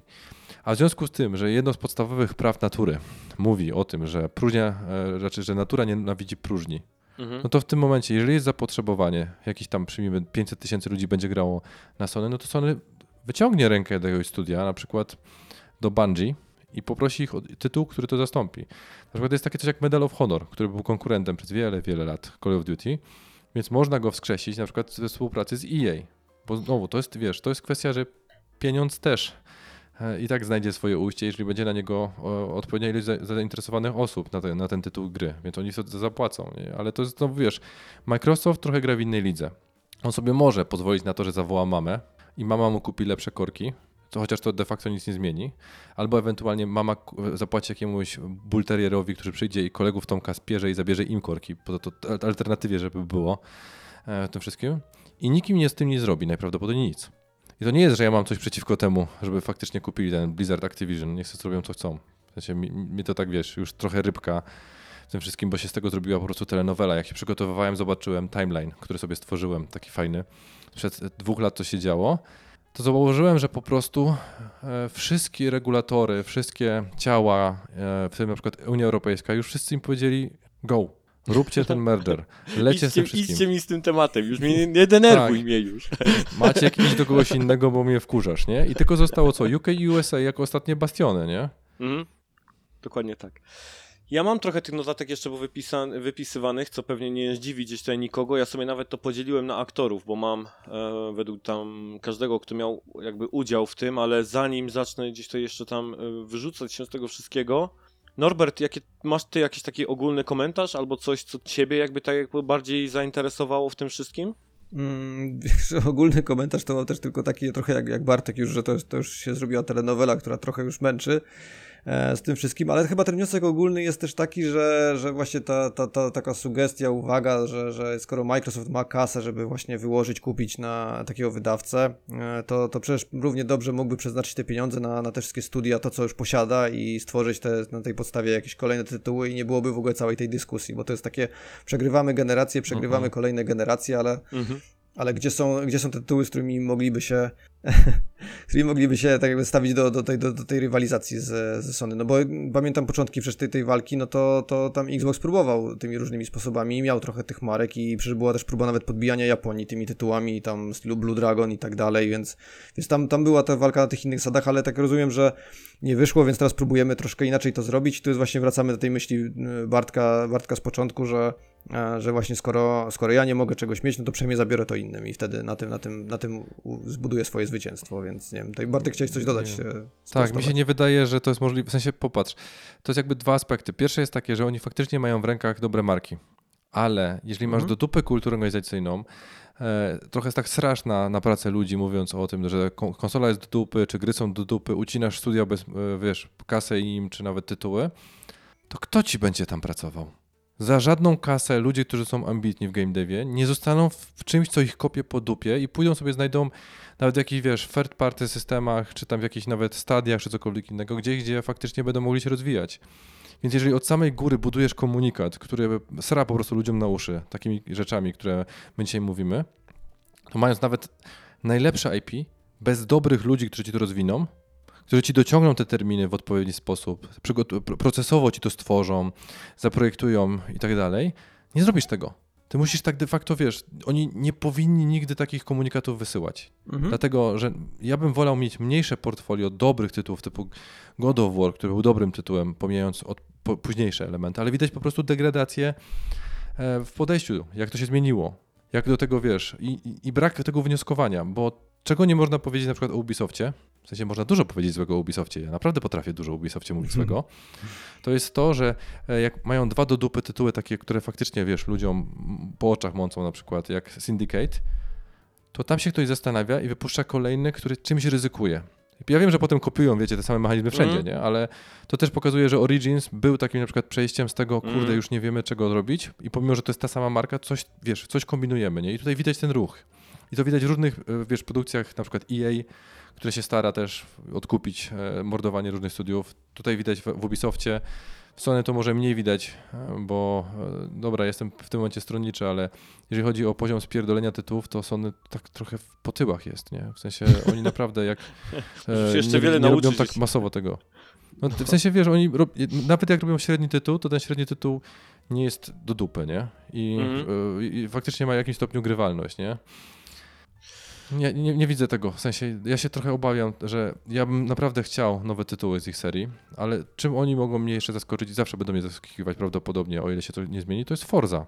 Forza im robi naprawdę dużą sprzedaż i dobry poziom, bo tytuł każdy po prostu kolejny, pomimo że to są, wiesz, nie różnią się duże ilości gigantycznych szczegółów, nie, jeżeli chodzi o różne elementy, ale dokładają coś, żeby ta gra była lepsza, przyjaźniejsza, bardziej cieszyła oko, na przykład w kontekście nowej generacji.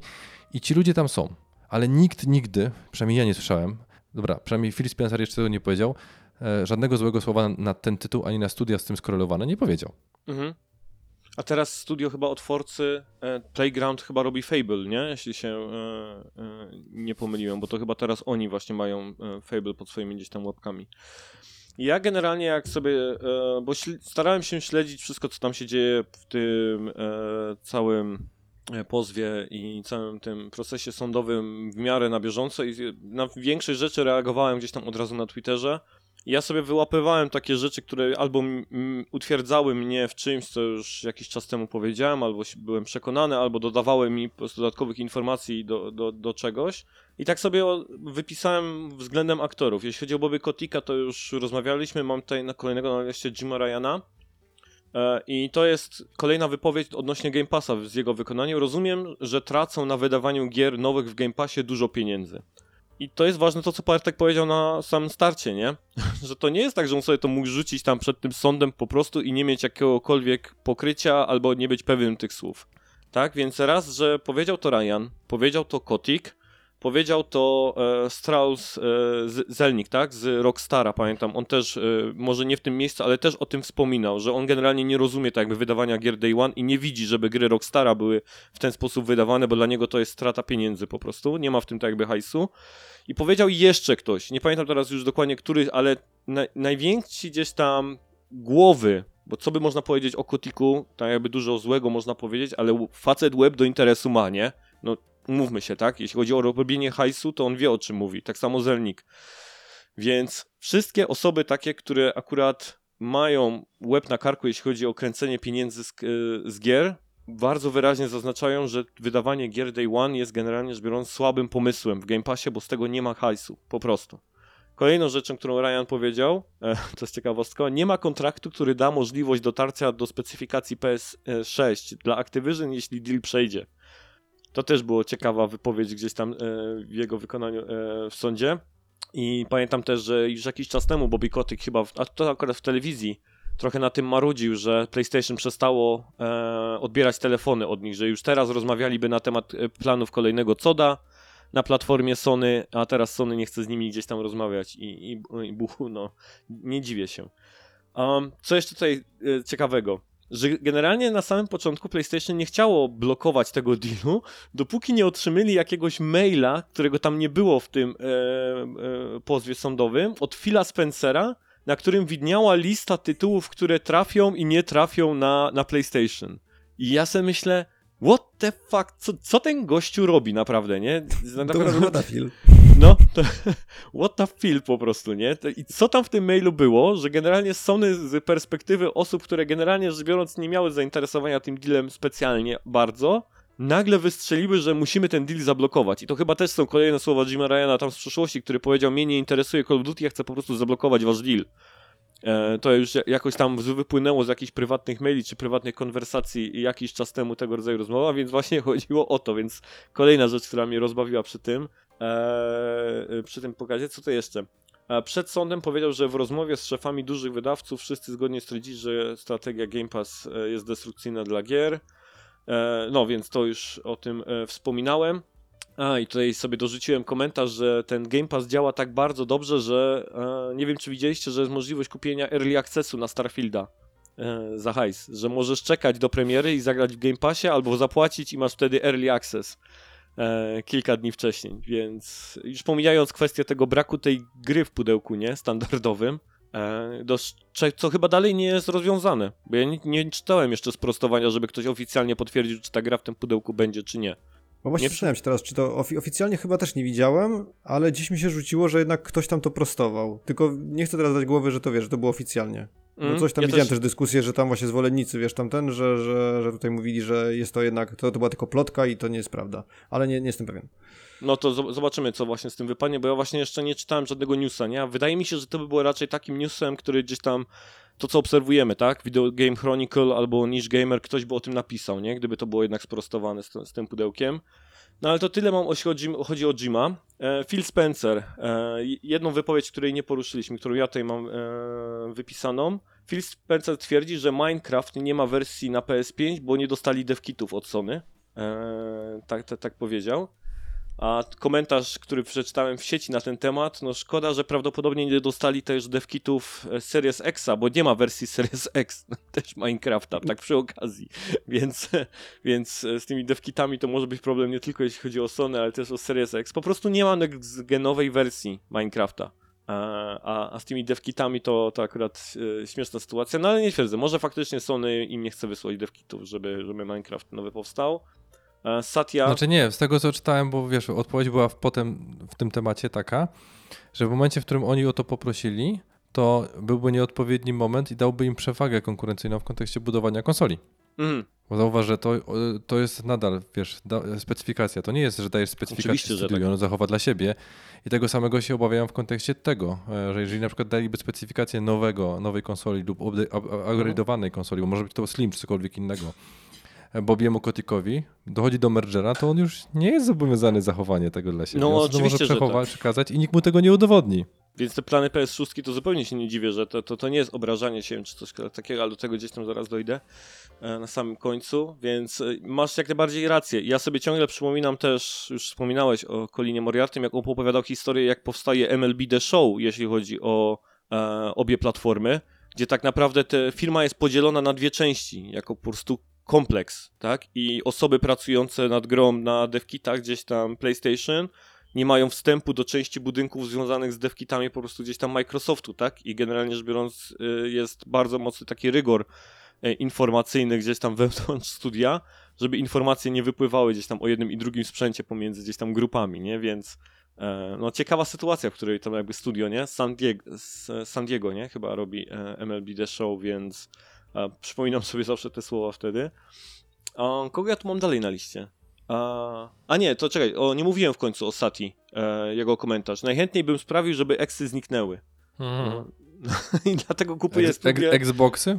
No właśnie tak. Znaczy, mi się to kojarzy z takim, wiesz, takim najchętniej to bym chciał, żeby na świecie był pokój, nie? Ale to wtedy jak my będziemy rządzić, nie? Tak, tak najchętniej to bym chciał, nie? Tak jakby, jakby się wszyscy tylko mogli y, odwalić, nie? I tak jakby po prostu nam dać robić co chcemy, to wtedy by było ok, nie? ja to tak rozumiem, nie? Że tak naprawdę nie lubię eksów, najchętniej to bym się ich pozbył. Więc zakupuję Zenimax, żeby sobie zapewnić całe portfolio ekskluzywnych tytułów e, do, do, do Game Passa. Super, strasznie mi się to gdzieś tam podobało. A potem mam Phil Heinza z, e, z Bethesdy i to akurat jest coś, co z Twittera Jasona Schreiera jednak się spodliłem i zacząłem gdzieś tam czytać, co, co on tam wypisywał. Um, I teraz tak, on, Jason Schreier do, dostał się do jakichś maili Pita Heinza, który był wkurwiony, że Activision może wydawać gry na wszystkie inne platformy, a ich gry muszą być tylko i wyłącznie na jednej platformie.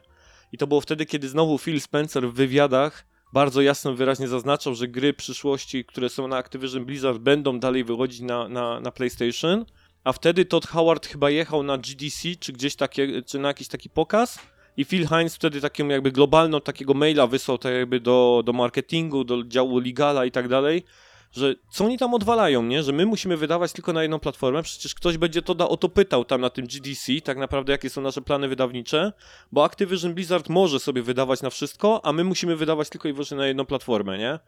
E, że to jest, to, to, to, to, pamiętam właśnie z tego maila, który gdzieś tam e, Jason Schreier pokazywał gdzieś w sieci.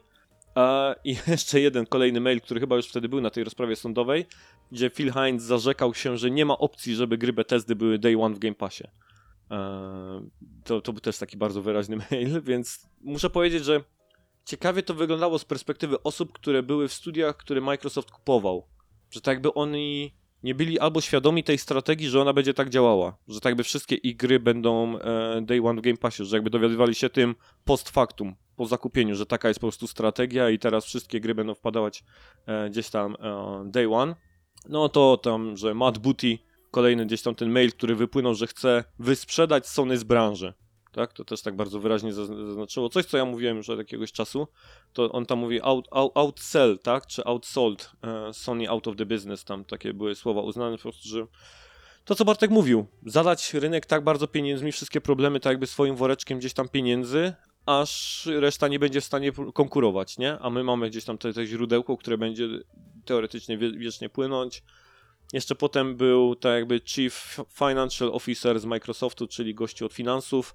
Przeszkadza mi, że gry Bethesdy jak Fallout e, są w PlayStation Now, to jeszcze wtedy było PlayStation Now, albo wchodzą e, w Game Pass w formie na przykład przez przeglądarkę, albo wcale, nie? Czyli chodziło, że albo odpalają Game Passa na PlayStation w formie jakiegoś, nie wiem, odpalonego z, z przeglądarki, i tak gracze na PlayStation mogą grać w gry Bethesdy, albo wcale, nie? A to, że tam, wiesz, jest Fallout w jakiś tam ekstra, czy, czy, czy, czy coś takiego, to generalnie mu to przeszkadza i on e, uważa, że to jest też finansowo nieopłacalne dla, dla Microsoftu.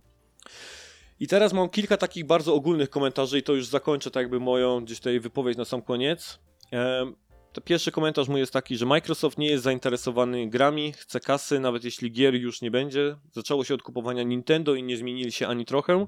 Tutaj no, tak jakby przytaczam to, co się stało, kiedy Microsoft w ogóle postanowił wchodzić do branży gier wideo, czyli po prostu chciał kupić Nintendo. Nie? Tak jakby, wiecie, to jest ten sposób myślenia, nie? Tak naprawdę, wiesz, że chcemy odpalić inicjatywę gamingową, to ją kupmy. Nie? To jest ten sposób myślenia i strategii w ogóle działania jako całej korporacji i to się generalnie nie zmieniło. No i taki mój ogólny wniosek to jest właśnie to, że Microsoft, nie, tak jakby, że miałem rację, jeśli chodzi o Microsoft od samego początku tych wszystkich zakupów, zarówno Zenimaxa, jak i Activision Blizzard. Xbox przez bardzo długi czas tak jakby starał się nie być powiązany z Microsoftem. A przynajmniej ja to tak rozumiałem, nie? Że przez, szczególnie w latach tam gdzieś 360 to tak jakby myśmy się nauczyli, że jest Xbox i tak jakby nie łączyliśmy tego jakby Microsoft Xbox, nie? Że tak jakby, że on był gdzieś obok. Tak jakby nie łączyliśmy go z tą gigakorporacją, że on sobie gdzieś tam funkcjonował, przynajmniej tak w moim postrzeganiu zawsze było, nie? Że to w ogóle nie myślałem o nim jak o, o, o Microsoftie. Um, i to też wyglądało tak samo z perspektywy samego Microsoftu, bo ja znowu jak słuchałem sobie wywiadów z twórcą tego Duke'a, tego pada takiego pierwszego do e, Xboxa starego, tego takiego ogromnego, mm. to ja pamiętam jak wyglądała ta cała inicjatywa Xboxa w samym Microsoftie, gdzie oni, jak się nie udało kupić tego Nintendo, to ci zapaleńcy, którzy faktycznie chcieli stworzyć konsolę do grania w Microsoftie, to pamiętam, że on tam opowiadał, że faktury na lewo kręcili, żeby dział po prostu zasilać funduszami, tak? Że tam były faktury na przykład na jakieś tam tony papieru, czy jakiegoś tam sprzętu do drukarek, czy jakiegoś e, hardware'u do, do, do biura, a ta kasa tak naprawdę była wydawana na kupowanie podzespołów i na zasilanie tego działu, który pracował nad konsolą. Bo Microsoft sam w sobie po prostu nie chciał tak jakby kłaść większej kasy na, na, na, tym dziale, na, na, tym dziale konsolowym. Więc oni dodatkowo o tą kasę musieli tak jakby gdzieś tam szarpać i się trochę jakby gdzieś tam o nią, o nią upominać. I to pamiętam te jego opowieści z, te, z, tego względu, więc Microsoft na początku już miał takie podejście e, do, do tego działu, jeśli chodzi o gdzieś tam o, o gry. Um, no i bardzo długo, tak jak mówię, w mojej głowie było takie mocne separacja pomiędzy Microsoftem i Xboxem. Muszę powiedzieć, że tak jakby w tej generacji od zakupu tego Zenimaxa to to się stało tak bardzo widoczne, że tak naprawdę to jest po prostu Microsoft Xbox. To tak jakby ten, ten, ten, ten taki duch Xboxa, tak jakby, nie wiem, w moim postrzeganiu tak jakby jest zupełnie teraz maluczki, już praktycznie w ogóle go nie ma. I jest to po prostu tak, jak jest, nie wiem, tak jest LinkedIn, tak jak jest Azure, tak jak jest Office 365. Xbox jest kolejnym po prostu takim tworem produktowym Microsoftu, tak? Yy, wielkiej korporacji, tak jakby gdzieś tam IT. I ostatnią rzecz, którą co ja tutaj jeszcze mam wypisane, aha, to jest to, żeby coś, co widzę w sieci bardzo notorycznie dziejące się, e, i może też gdzieś jestem jakby winny tego, że my przypisujemy tak jakby takie bardzo emocje takie ludzkie tym korporacjom. Sony się obraziło, albo ten temu gdzieś tam dopiekł, nie? Tak szczególnie z tym PS6 słyszałem, nie? Że u, Sony się obraziło, nie? To teraz nie będzie specyfikacji wysyłać PS6 wiesz, my przypisujemy takie ludzkie reakcje i ludzkie emocje gigakorporacjom, które są skoncentrowane na jakimś konkretnym celu i to jest coś, co gdzieś tam Bartek powiedział, nie? Że to nie jest tak, że oni się obrazili o tym, że nie będą coś tego PS6 pokazywać Kotikowi, tylko tam jest realne zagrożenie biznesowe, tak? W tym momencie, jeżeli ta specyfikacja gdzieś tam się dostanie do osób, które są połączone z ich największym gdzieś tam rywalem, tak? Eee, na rynku. Więc to nie są żadne tam powiedzmy zagrywki, kto komu gdzieś tam bardziej dostrał, kto komu nacisnął napięte, kto, kto go obraził. Ci ludzie są też przeszkoleni, jak się mają odzywać, co mają mówić, to są półmaszyny, można powiedzieć, już takie mówiące, e, przygotowane, tak jak Bartek powiedział. No, Microsoft FTC to praktycznie to jak, jak stare konie się znają, tak? Od czasów Internet Explorera po monopol na systemy operacyjne gdzieś tam i tak dalej, więc nie pierwszy raz się, się ze sobą gdzieś tam e, zderzają. Więc to jest kolejna taka, bym powiedział, rzecz, którą chyba musimy się jakby, może wszyscy nauczyć lepiej, tak, żeby jednak nie nadawać takich cech ludzkich e, tym, tworom, tym, tym tworom korporacyjnym, nie? I podchodzić do tego po prostu bardziej na zimno. No, to, ja, to ja dorzucę kilka rzeczy. Mogę? Dawaj. E, ogólnie rzecz biorąc, zmieniłem sobie lampki z tyłu, żebyście wiedzieli, na niebieski. E, miałem dać na czerwone, ale dziwnie się czuję. Nie, ogólnie rzecz biorąc, dla mnie podstawowa zasada jest taka, że to, co czyni dla nas największe korzyści dla graczy, jest konkurencja. I ta konkurencja zawsze była. Żeby było wiele podmiotów, które może coś wydawać, żeby była swoboda dostępu do rynku, żeby nie było monopolu takiego, który powoduje, że ktoś, kto ma dobry pomysł, na przykład nie wyda go na Sony, bo zbyt drogo, bo 40% czy 50% on potrzebuje się utrzymać, czy cokolwiek innego. I cenę gier i tak dalej. Więc dla mnie, jak dla gracza, e, to, żeby Sony Microsoft, Nintendo e, były jak najsilniejsze i miały jak najlepsze zespoły, jak najbardziej kreatywne zespoły, jest stanem wskazanym. Ja nie mam żadnych korzyści patrząc na to, co się teraz odpieprza po prostu e, w tym miejscu. Ja nie mam żadnych przyjemności nawet patrząc, jak Microsoft podejmuje takie inne, a nie inne próby. Szczególnie, że ja naprawdę mam e, w 2014 roku posiadałem konsolę Xbox One dla tych tytułów, które wtedy były dostępne. Oni wtedy nie położyli lachy, czy tam lagi, czy jakkolwiek chcemy to nazwać, na całej iteracji konsol, tylko faktycznie walczyli. Walczyli o uwagę graczy. I w momencie, w którym, wiesz, tak de facto mówimy dalej o korporacjach. Jakby, jakby wiesz, kto inny wydawał takie gry dobre i nie byłoby żadnych gigakorporacji, ale byłyby jakieś platformy i dałoby się grać. Nawet mogła być jedna platforma. Wszystko mi to jedno jest.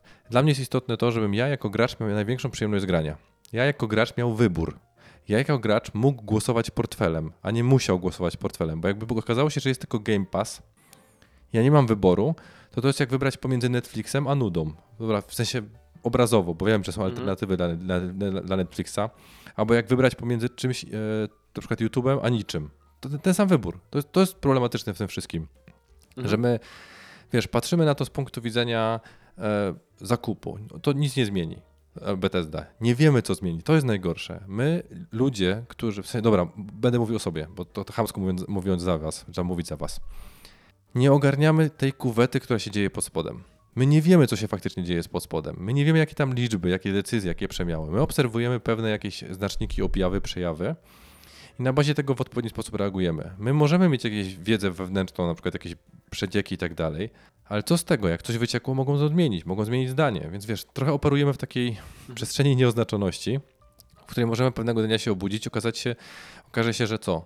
Że Azure lub Microsoft jest jedynym dostarczycielem gaming computingu, czy tam e, cloud gamingu, jakkolwiek mm. chcemy to nazwać. I co? I musimy tam pójść. Czy chcemy tego, czy nie chcemy. To z automatu powoduje, że skoro to jest jedyna platforma, to Sony już nie staje się wydawcą e, gier producentem, tylko dostarczycielem je na jedyną istniejącą platformę. Pewnie musi płacić ryczałty, musi płacić inne rzeczy.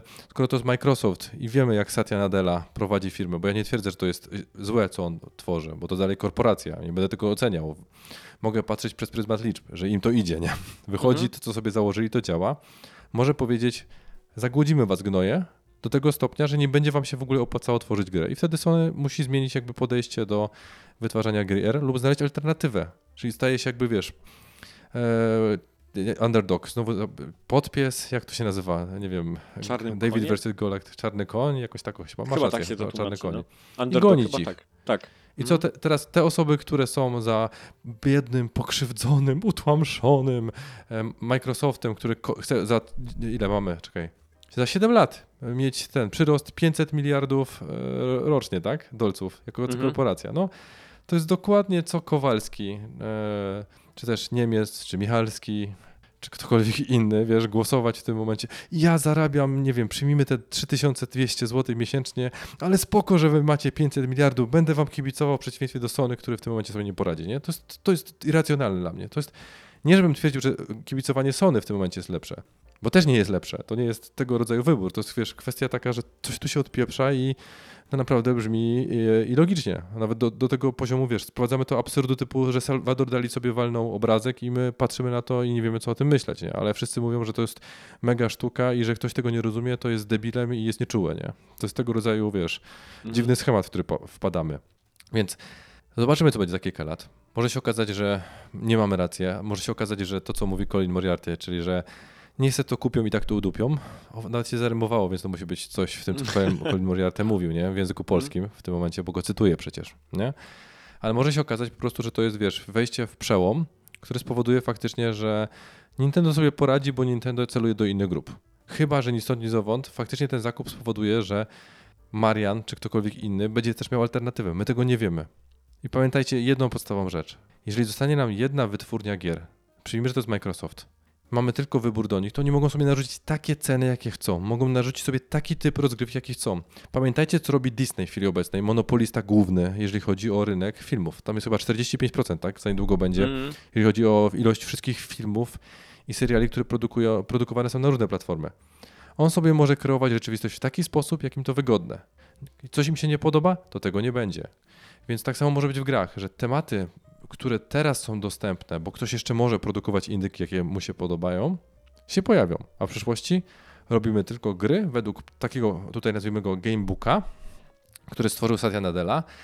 Jak się nie wpisujesz, to wypier... No wiecie, co chcę powiedzieć. Mhm. Dobrze.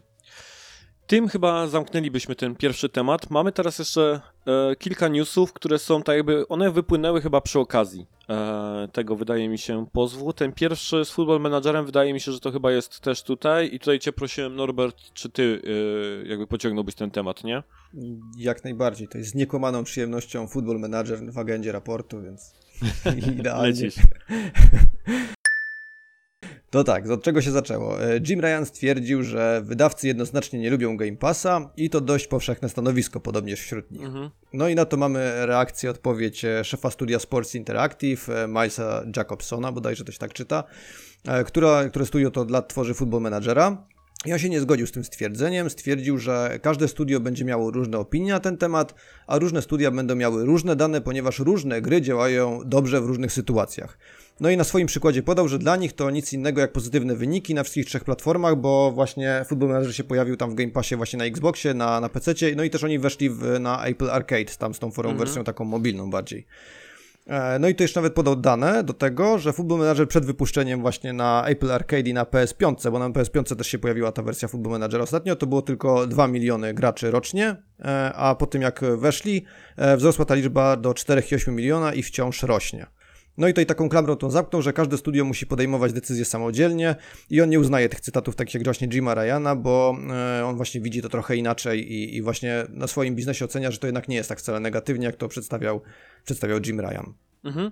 I teraz tutaj, e, tak jak, jakbym ja miał to spuentować, zanim bym oddał wam głos tutaj, żeby, żeby Mhm. też to, co, co to o tym sądzicie, to wydaje mi się, że to jest klucz tej całej wypowiedzi, tak naprawdę, że to są różne opinie i różne studia spojrzą właśnie na ten temat ze swojej perspektywy i ona tak naprawdę tutaj dużo, dużo zmienia. Ale chyba dodałbym w tym wszystkim taki, jaką, taki podkreślnik, że e, w tym momencie, jak oceniamy te warunki, e, to jakie są przez Game Passa, że to przynosi sukces albo nie przynosi, no to to jest na aktualny moment, tak? I te warunki dystrybucji gier przez Game Passa mogą się zmienić. I je tak jak teraz są dobre, tak na przykład za rok czy za dwa lata już mogą nie być tak dobre Mhm. i wtedy to może być zupełnie inaczej odbierane, więc ja bym tutaj właśnie tych wszystkich takich informacji, komentarzy, że Game Pass jest genialny albo Game Pass jest do dupy, nie brał jakąś taką prawdę objawioną i to jest już zamknięte i tego się trzymamy, tylko to jest po prostu jakby ocena na ten moment, w tej sytuacji, że studio ocenia to w tej chwili i to się może w każdej chwili zaraz zmienić. I pytanie, czy jak wy się na to zapatrujecie? Czy wiesz co, tutaj z tego względu, że ja absolutnie rozumiem e, tak jakby te studio i ten jakby, że futbol dla futbol menadżera to gdzieś tam działa. Natomiast też pamiętam sobie tego gościa, który jest, od tej gry, gry o tych rowerach, Descenders, tak? który tyle razy o tym mówił, że im studio się to opłacało, nie? Tak jakby. I ja jestem w stanie stuprocentowo się z tym zgodzić, że będą ekipy, dla których to było korzystne. Tak samo jak PlayStation Plus jest dla jednych korzystnych, a innych może na przykład być niewypałem, tak? Rocket League, wydaje mi się, że chyba byli zadowoleni z tego, że wystartowali w e, plusie jako e, Day One, tak? I to jest scenariusz sukcesu, tak? No pewnie nie wiem, czy tam teraz jest ta gra e, o tym e, rajdowaniu tam tych loków, które się buduje i można tam ten... em, Mhm. Kojarzycie, o którą chodzi, nie? Że tam budujesz tą fortecę i tam cię mogą najeżdżać tam inni gracze online i ty możesz ich lochy gdzieś tam zwiedzać i tak dalej. Nie pamiętam dokładnie, jak ona się nazywała. Nie wiem, jakie tu liczby, nie? Wykręca. Też wystartowała gdzieś tam w, w plusie tak naprawdę. No i pytanie, czy im się to opłacało, czy nie, nie? E, więc ja jestem spokojnie w stanie uwierzyć, że będą studia, które będą z tego dealu tak jakby z- zadowolone, nie? Tylko dwie rzeczy. Po pierwsze to, co już mówiliśmy tam, żeby się już nie powtarzać. Szefowie największych ekip które sprzedają się w milionach gry od razu, tak? Które wiedzą, że są hitami, tak? Kolejne GTA będzie hitem, kolejne gdzieś tam first party Sony będzie tam sprzeda, sprzeda się w milionach, nawet średnia gra się sprzedaje w milionach, tak? E, tak jak gdzieś tutaj Bartek powiedział, tak? Więc te ekipy, które są pewne tak jakby swojego gdzieś tam produktu i, wie, i wiedzą, że na nim zarobią, to jednoznacznie mówią, że im się to nie opłaca, nie? Tak jakby... Że... I to chodzi o to, nie? Tak jakby o, o, Mhm. o, o tą rzecz.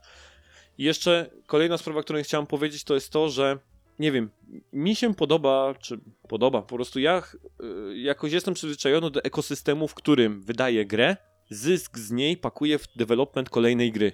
I też ja jako gracz wiem, że jak daję hajs temu deweloperowi za tą grę, bo mi się podoba, to on prawdopodobnie przekuje ją w następną grę, nie? Tutaj mam taką sytuację, o czym ty powiedziałeś, Norbert, że nie wiemy, jakie są te deale, y, dokładnie umowy finansowe, nie? Ja mogę teraz wejść w Football Managera na Game Passie, mi się podoba, będzie super grą i tak dalej i ja po prostu jest tak mega, że ja gram w tym Game Passie i na pewno wyjdzie kolejny w Game Passie, ale umowa, którą też Bartek powiedział, nie? Tam powiedzmy Satya określi, jakie są warunki teraz finansowania, jeśli chodzi o procentowy, tak jakby, i się okaże, że już nie będzie w Game Passie, nie? I to nie ze względu na to, czy mi się podoba, czy nie, tylko co Microsoft wymyśli, jeśli chodzi o umowy, tak? Czyli tak Mhm. jakby decyzja od tego, czy gra jest fajna, czy nie, czy będzie kontynuacja, czy nie, nie leży już tylko i wyłącznie na linii ja i deweloper, nie, tak jak zwykle, tylko ja, zdanie Microsoftu i deweloper, nie, że jestem taki pośrednik, tak, który jakby tworzy te umowy. Więc to jest to, co ja chciałem dodać, nie, tak jakby w całej, w całej tej układance. I tak spokojnie jestem w stanie uwierzyć, że będą na pewno deweloperzy, dla których się to będzie opłacać. Eee, gdzieś tam wchodzenie w Game Passie i wydawanie gdzieś tam gier e, Day One. Nie wiem, czy ty Bartek Ja coś tutaj... ogóle, nie, ja bym w ogóle abstrahował od Game Passa. W sensie, popatrzcie, czy to jest Game Pass, czy to jest Netflix, czy cokolwiek innego, to wchodzimy w kooperację, jakakolwiek subskrypcja, to deal powinien być korzystny dla obu stron. I to jest, wiesz, wybór taki, że jeżeli masz firmę i chcesz na tym stracić, to możesz na tym stracić, możesz podpisać niekorzystny deal, masz do tego pełne prawo, nie? Tylko potem nie narzekaj, że to było niekorzystne, skoro wiesz, co nie wiedziałeś, no wiedziałeś przecież, co podpisujesz, masz prawników i tak dalej, a jak nie masz prawników, to, to też coś zawiodło w tym całym zakresie, nie?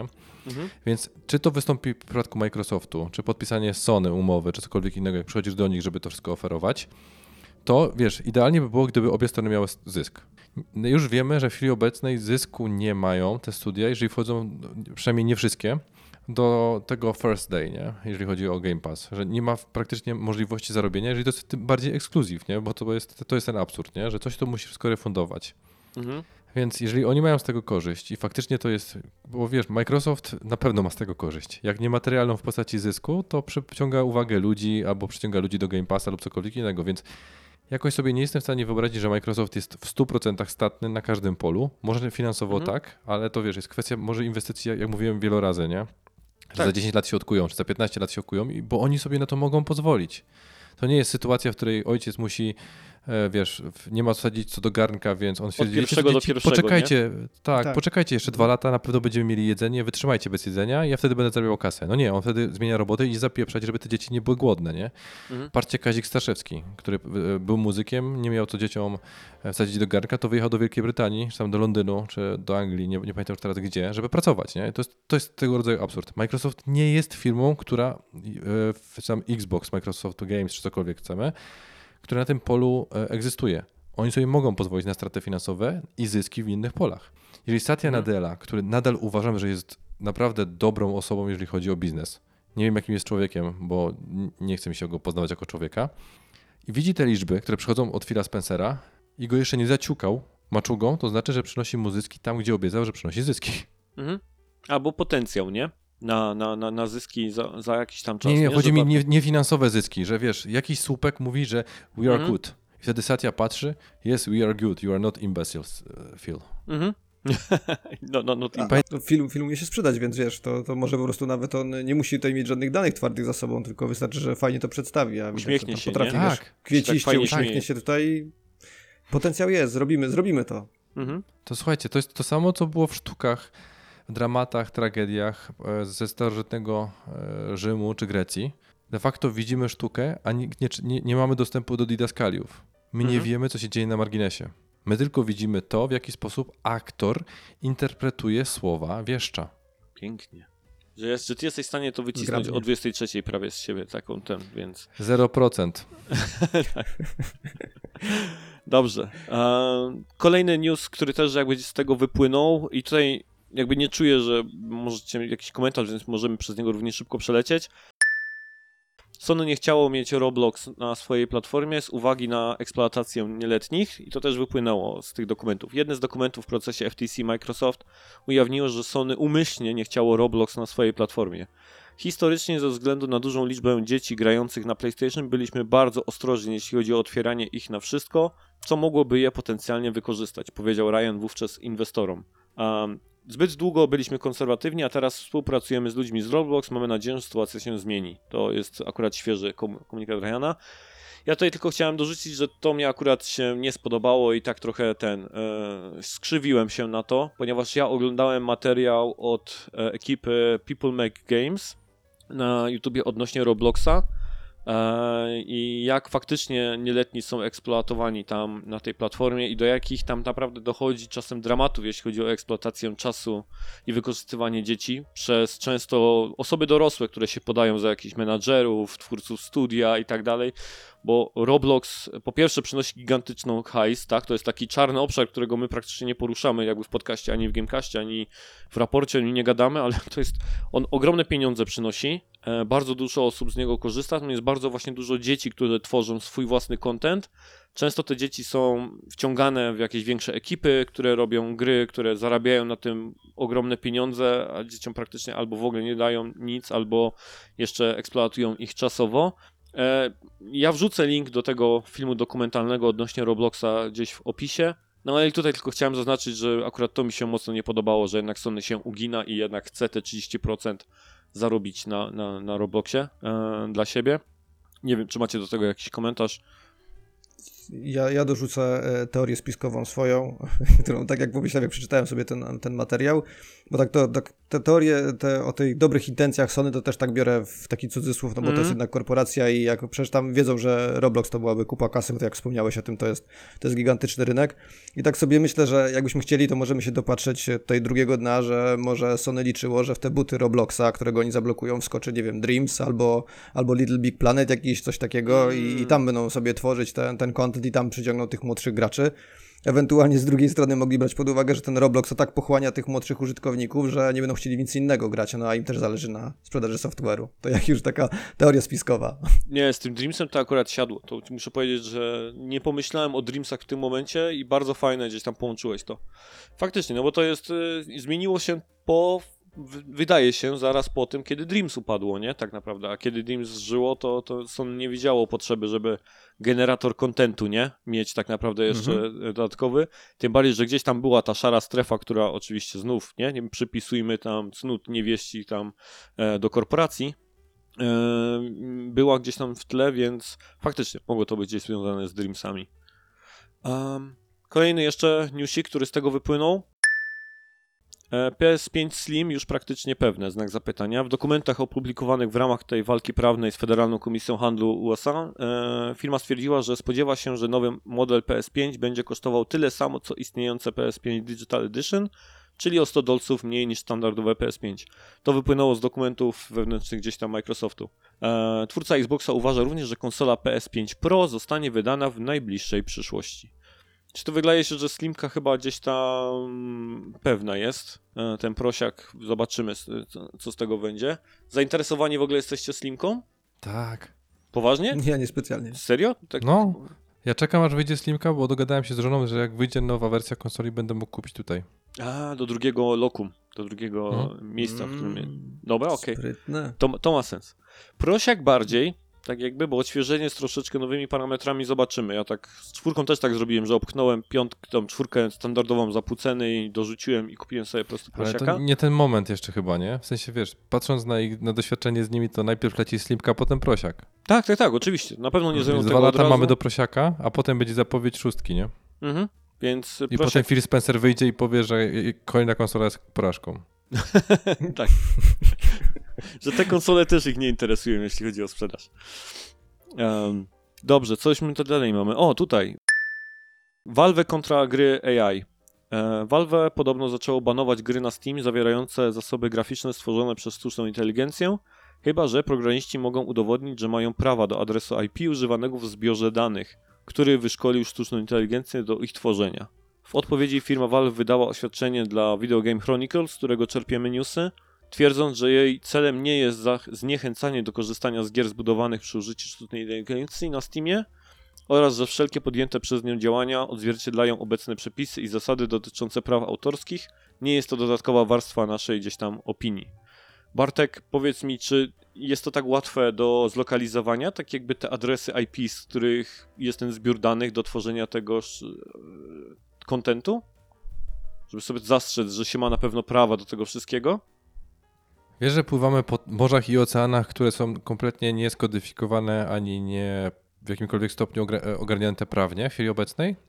Jeżeli chodzi o status, co jest IP-kiem, co jest twoją własnością i tak dalej w kontekście wytworów AI, Mhm. to jest naprawdę coś otwartego. Mhm. Ja wiem, że ostatnio mm, Unia Europejska nie miała chyba spotkanie gdzieś tam z. Ej, weź, Unia idzie w drugą stronę. Moim zdaniem Unia to jest w sensie zamiast zrobić coś dobrego, to chce tak zahamować cały ten rozwój, że wiesz, to jest kwestia taka, że to jest, nie, to nie ten podcast. Wróćmy do naszego. Nie, to, to nie wiem dlaczego mieliby to udowadniać w kontekście, wiesz, że twój adres IP. W sensie dosłownie, to jest dla mnie dość, w sensie ro- rozumiem, co chcieliby uzyskać, ale wiesz, założenie jest takie, że e, wszystkie te modele, my po to je bierzemy, nauczone te modele, po to, żeby nie tracić gigantycznej ilości kupy kasy po prostu i czasu, na to, żeby je uczyć znowu. Więc wiesz, hipotetycznie, e, każdy z tych modeli ma dwie rzeczy. Pierwsze jest takie, że możemy go douczyć. Mhm. To jest e, dość, dość fajne. Za to też płacimy. Ale w tym momencie wykorzystujemy douczony model i tutaj może zagrać to, że my możemy go douczyć naszymi danymi, więc automatycznie stajemy się współautora. Dobra, zrobię cypcyki, bo to jest znowu prawnie mielizna kompletna, w sensie wiesz, ocean, nie mielizna. Mhm. Stajemy się współautorami modelu i to już Valve musi uznać. A drugie jest takie, że możemy w ogóle wziąć model, a dokładnie rzecz biorąc taki bazowy i nauczyć go od zera, wszystkim co trzeba, ale to wtedy, Jezu, komu by się chciało w takiej firmie, skoro mamy już na przykład e, sprawdzone modele, mamy do nich dostęp, na przykład do Mid Journey za pomocą jakiegoś API, wersji piątej czy jakiejkolwiek chcemy i ona nam, nam to wygeneruje. Czyli trochę, trochę jesteśmy do tego kontrproduktywni w stosunku do tego, co jest taką bazową ideą, e, wiesz, tych narzędzi. Bo my tu nie Mhm. mówimy o, o tym, że wiesz, wpisujesz w prompt w czacie GPT, nazwijmy go 59. Please create me a very nice game similar to Final Fantasy 59 that will something something, nie? I teraz automatycznie dzieje się magia i po trzech godzinach duk, duk, duk, duk, w okno bije ci gołąb, bo mamy rok 2077 i to jest jedyny po wojnie nuklearnej sposób rozsyłania płyt. I wrzuca ci płytę y, na przykład Blu-ray, nie? Albo Grey-Ray, y, taką, żeby była większa pojemność, którą ci ten chat GPT już wypalił. To rozumiesz ten absurd Mhm. tej, tej całej sytuacji, że Valve ma słuszną intencję, ale e, implementacja trochę w chwili obecnej jest dość dziwna. Ale może wiesz, bo oni będą współpracować wa- w- w tym, starać się z tego wyjść, dlatego że znowu nie, nie posądzałbym Valve, której bazowym w chwili obecnej korowym elementem modelu biznesowego jest platforma Steam. Mhm. On nie jest ni stąd, ni zowąd, wiesz, wytwarzanie gier typu Knok, knok, gołąb przyleciał, wrzucił nam Half-Life 3, Mhm. e, głęboko oczekiwane. No nie, to, to, to nie jest, to, to się robi obok, nie? Jak mi teraz wyskoczy ktoś i powie, nie no stary, przecież 80% zysku mają z CSGO albo z jakiejś tam, wiesz, kolejnej rzeczy, to będę zaskoczony tak fest, że po prostu nie wiem. Nie Aha. wiem, co bym zrobił. A, Mhm. Raczej mało prawdopodobne. Więc widzę, będę po prostu to obserwował i zastanawiał się, jak to dalej pójdzie i po co oni to chcieli potrzebować. Wiesz, to znowu, e, jak to mówił zawsze mój ojciec, różnica między implementacją a e, ide- ideą jest taka, jak pomiędzy ideą komunizmu a jego implementacją, bo nie ma żadnej dobrej implementacji, a idea niby była, wiesz, e, Niby spoko, się kleiła. No, Mhm. No tak, z tym AI to faktycznie e, dużo ostatnio się gdzieś e, mówi. Ja na to patrzę z perspektywy tej dramy, która się ostatnio gdzieś pojawiła też wokół Bungie. Ja nie wiem, czy śledziliście to, że Bungie wykorzystało tam jakby do jednej z lokacji art jakiegoś, e, kogoś z sieci po prostu, nie? Tak jakby, że bardzo wyraźnie wykorzystało to jakby jakiś obraz namalowany przez jakiegoś artystę w sieci jako scena w swojej grze, nie? Tak jakby jeden do jeden Mhm. nawet wyglądało, bez żadnego tak jakby e, uznania, tak? Tej drugiej osoby, tak? Jak- Jakkolwiek, nie? Nie wiadomo jak to się rozeszło, że po prostu, wiesz, ktoś wewnątrz studia się zapomniał, czy umyślnie tak jakby skopiował to, nie? Mieliśmy też tą sytuację chyba z Codem, Bartek, to ogadaliśmy jeszcze w to, wydaje mi się, na Gamecastie. To, co wtedy tam tą skórkę tego takiego ps- psiego żołnierza ktoś wykorzystał i tak dalej, nie? E, też była taka sytuacja. No więc to są tego rodzaju rzeczy, nie? No bo ta sztuczna inteligencja to jakby ma swój ten zasób, na którym się uczy, no i może wypluć coś, co jest bardzo zbliżone do jakiegoś tam tworu, który ktoś namalował.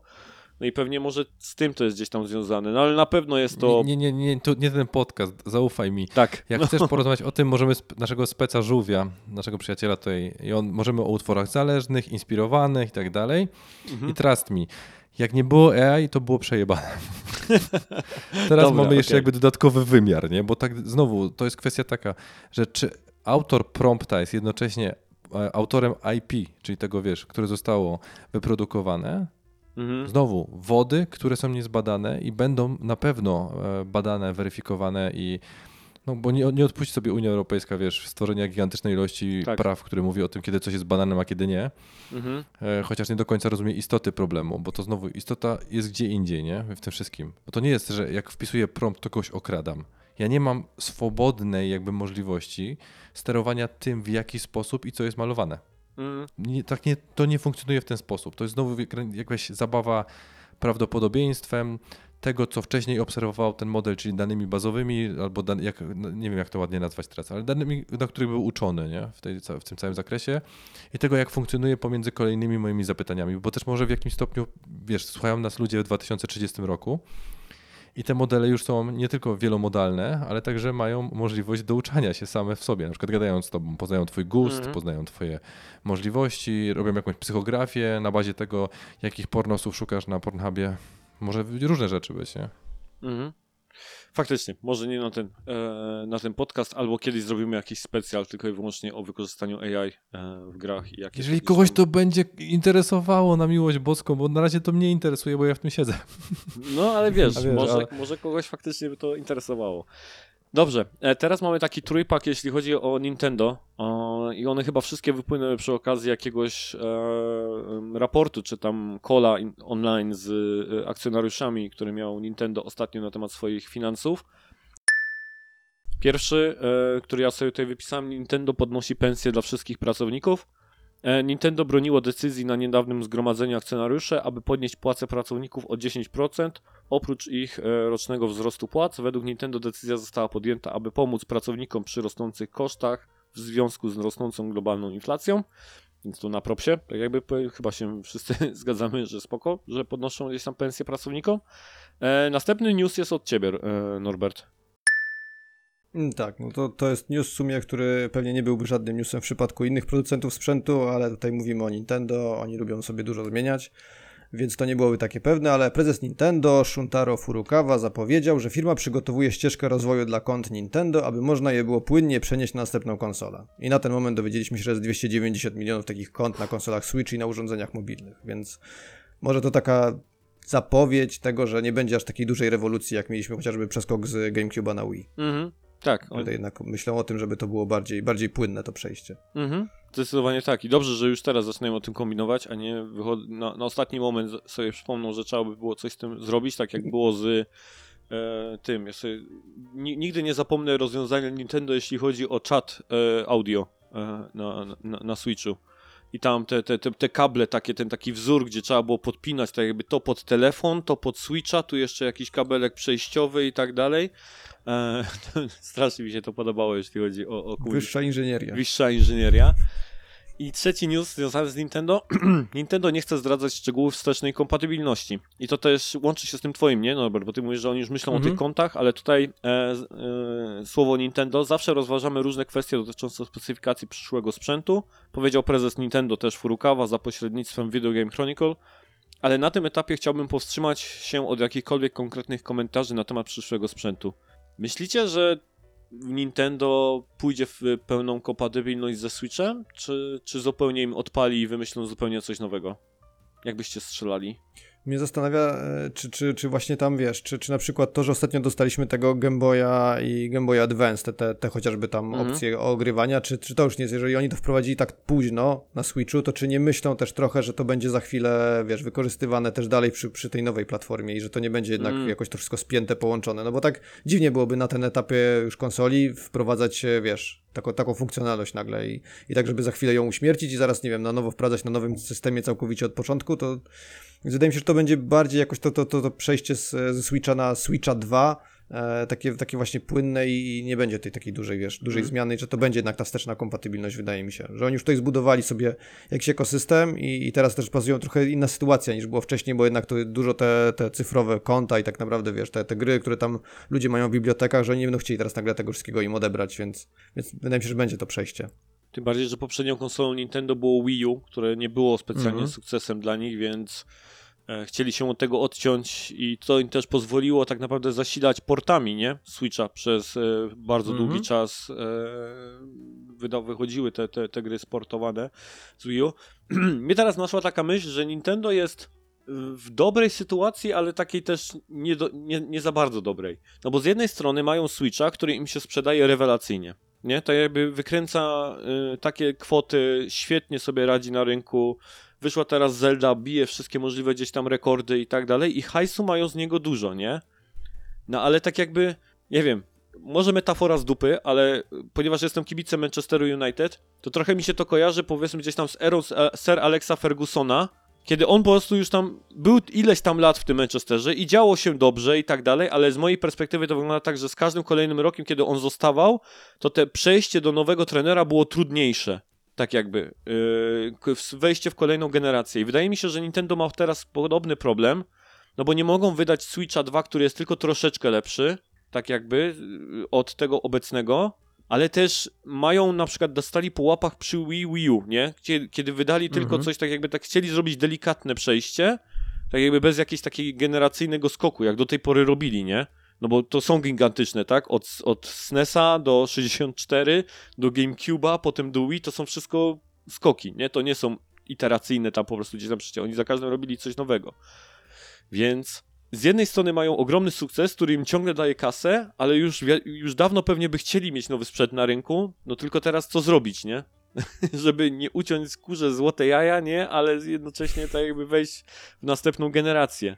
Więc właśnie sobie tak myślę, że to jest taka sytuacja, w której no z jednej strony wszyscy by pozazdrościli, ale też może nie w każdym aspekcie, nie? Tak sobie myślę o tym kontynuacji Switcha. Więc zobaczymy tak jakby co, co, co z tego wypadnie i co faktycznie będzie tym Switchem e, dwójką, czy to będzie Switch 2, czy co, co kolejnego. No i ja bardzo jestem ciekaw, e, co, co Nintendo z tego wymyśli. Mamy jeszcze kilka newsów. De Daedalic, chyba tak się y, czyta, Daedalic porzuca wszelkie plany na nowe gry. Dla przypomnienia polecam recenzję Ani Goluma na ostatnim Gamecastie. Um, niemiecki A, wydawca... Ania jest pewnie zdruzgotana tak po jest, tym newsie. dokładnie. Czekała na, na kontynuację. Niemiecki wydawca Daedalic Entertainment postanowił zakończyć cały wewnętrzny plan tworzenia gier po katastrofalnej premierze Władcy Pierścieni Golum. Daedalic potwierdziło, że dotyczy to co najmniej 25 pracowników. Zarząd oznajmił, cenimy każdego członka naszego zespołu i ważne jest dla nas, aby przejście przebiegło tak płynnie, jak to tylko możliwe, dlatego będziemy wspierać naszych byłych pracowników w znalezieniu nowych możliwości w ramach naszej sieci. Dla przypomnienia, Daedalic Entertainment, oni przeważnie byli wydawcami, nie? Oni tak jakby nie robili gier, nie? Oni wydawali... E, e, Mm, Robili chyba trochę. Mi się wydawało, że Wydaje oni się, byli że robili. głównie De- wydawcą. Deponie, Deponie chyba zrobili tę serię całą przygodówką. Oni w ogóle w przygodówkach dużo siedzieli chyba, więc tam była ta Deponia, jakieś tam filary ziemi, kojarzę, że to ludzie chwalili. Tak, filary ziemi E, były było, faktycznie. było to drewniane Blackguards, które miałem nawet nieszczęście ogrywać, więc trochę tam tego było. Nieszczęście? Dlaczego? No bo, tak, bo było tak okrutnie drewniane. Był taki taktyczny RPG, wiesz, coś, tak, coś jak Final Fantasy Tactics, tylko jakbyś to zrobił trzy razy gorzej. Według e, tego e, prawd z Wikipedii e, is a German video game publisher and former video game developer. Czyli były game developer i, i głównie publisher. Tak mi się wydawało, Mhm. wiesz, że oni są pu- publisherem, tak jakby tych ty, ty gier. Chyba te filary ziemi były ich grą, może gdzieś tam pierwszą. Natomiast, nieważne, nie? Tak, ja sobie przeczytałem to, że po pierwsze 25 pracowników to afektowało. Sobie myślę, że jak nad tym Golumem pracowało 25 osób, to może to trochę już rozumiem, czemu ta gra wygląda tak, jak, jak wygląda, to jest jedno. Ale druga sprawa, wyobraźcie sobie, że oni są publisherem i pewnie jak mówią, że będą szukać dla nich e, rozwiązań czy tam opcji w ramach swojej sieci, to po prostu wśród deweloperów, z którymi współpracują, będą szukać miejsca dla tych deweloperów, nie? No i teraz sprzedają gościa na jakimś kolu na Zoomie nie? i mówią, hej, mam świetnego dewelopera, co on ostatnio wypuścił? No. Go- Goluma. No, Golum, na pewno, na pewno słyszałeś, Golum. No, Golum, gło- głoś, głośna gra, nie? Więc e, myślę sobie tak po prostu, że pewnie wypuszczony został w pośpiechu, tak jakby zupełnie niegotowy. Te, nie wiem, czy jak to tam wyglądało dokładnie. Bartek mówił, nie znamy wszystkiego, co dzieje się pod spodem. Mhm.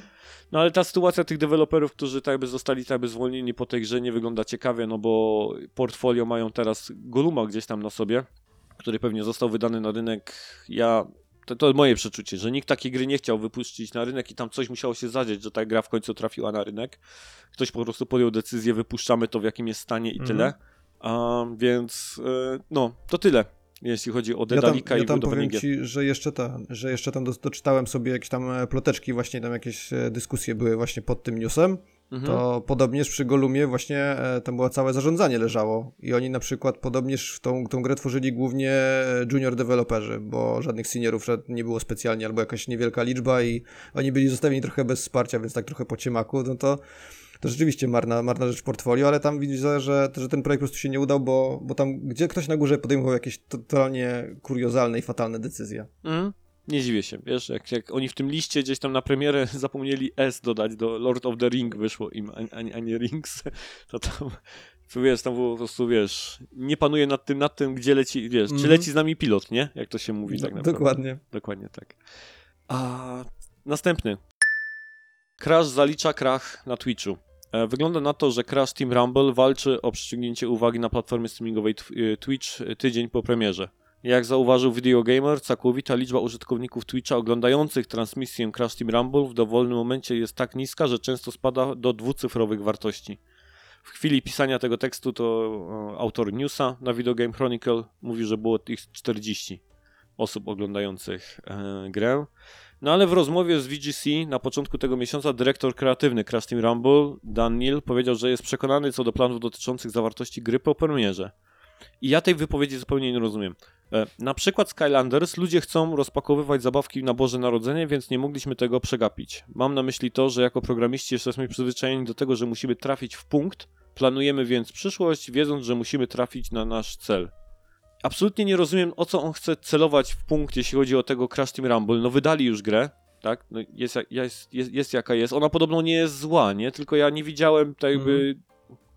Znaczy nie czułem, żeby to Podobnież- mogło siąść, nie? Tak jakby, żeby, Mhm. żeby była potrzeba na to, na tego rodzaju ja, grę. ja dalej szukam, jak on w lipcu Boże Narodzenie zrobił.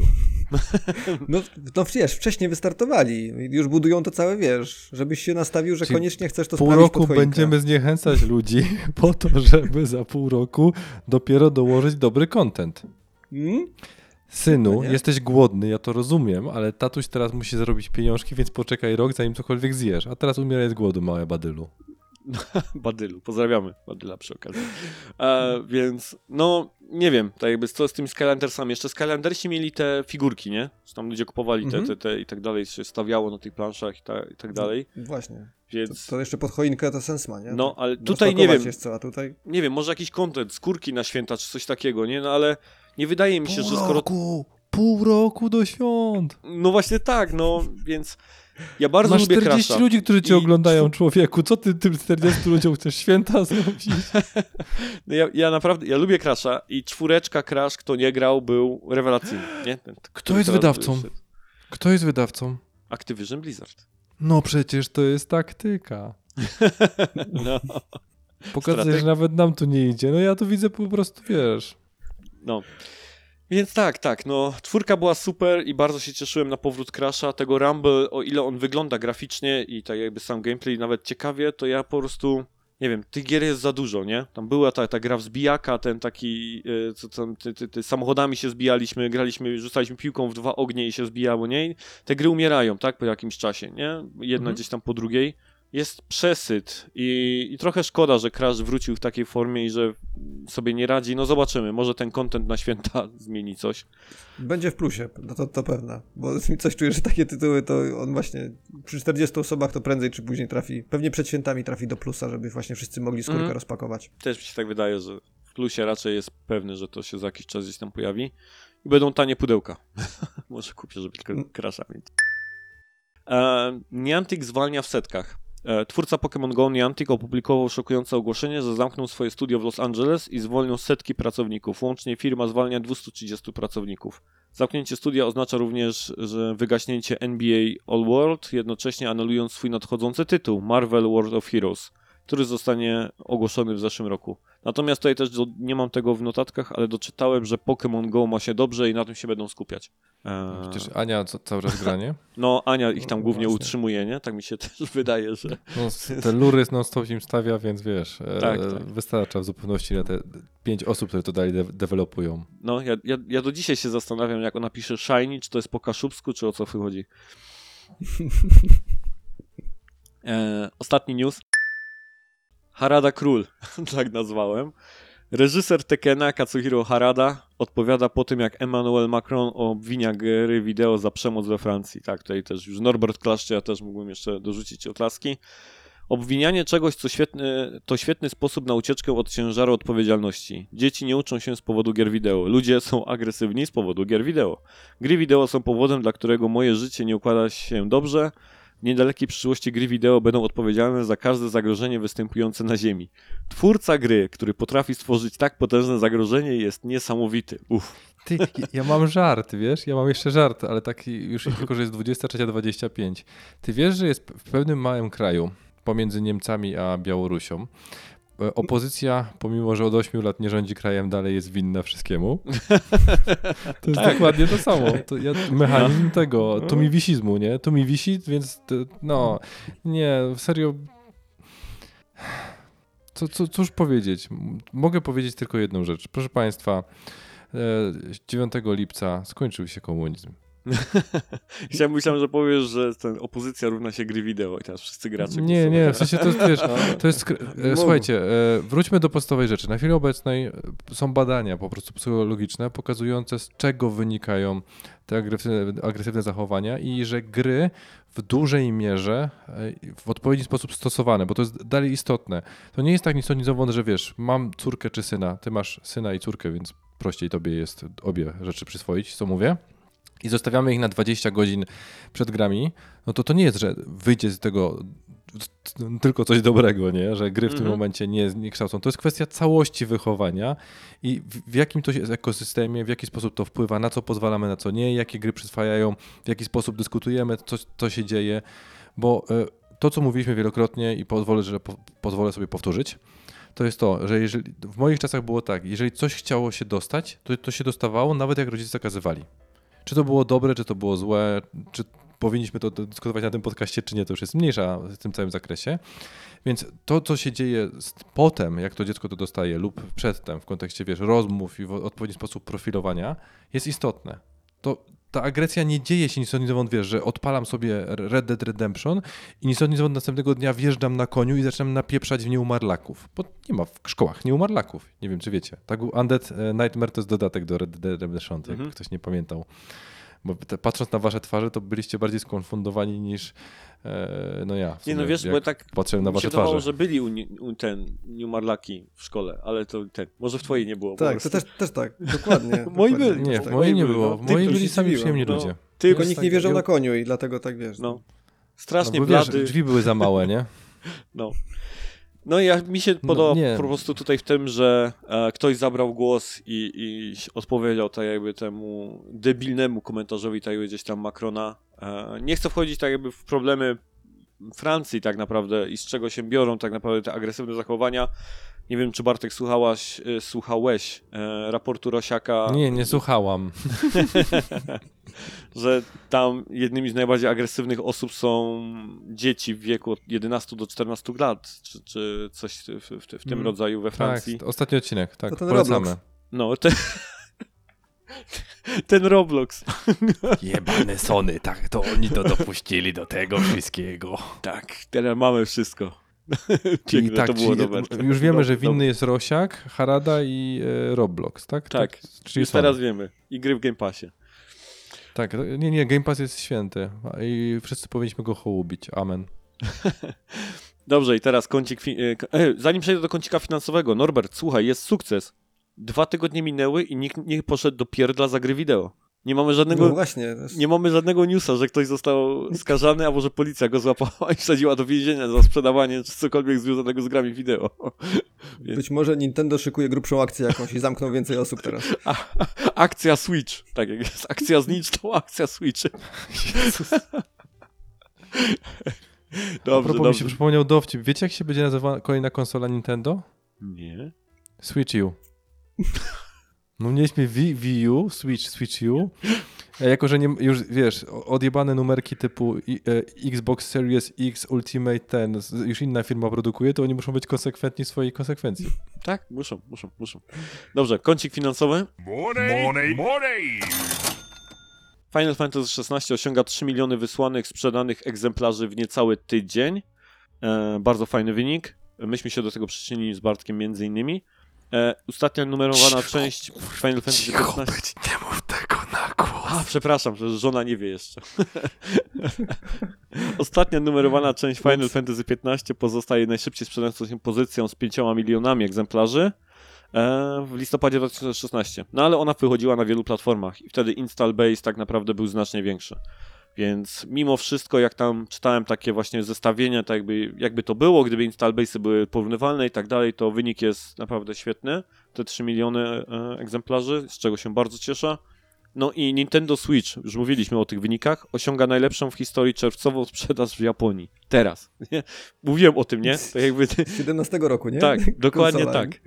Teraz ma najlepszą w historii czerwcową sprzedaż w Japonii, więc ja naprawdę chciałbym być, wiesz, jak to się mówi, fly on the wall, nie? Chciałbym być tą muchą gdzieś tam w salach konferencyjnych Nintendo i podsłuchiwać tak jakby tych dyskusji o kontynuacji, nie? Tak jakby co robić z no. kolejną konsolą, kiedy ją wypuszczać i tak dalej, nie? Bo tam muszą być naprawdę ciekawe e, dyskusje prowadzone. E, pierwsza Zelda była w 2.18, tak? W sensie ta Switchowa, czy 2.17? 17. 17, równo z konsolą, nie?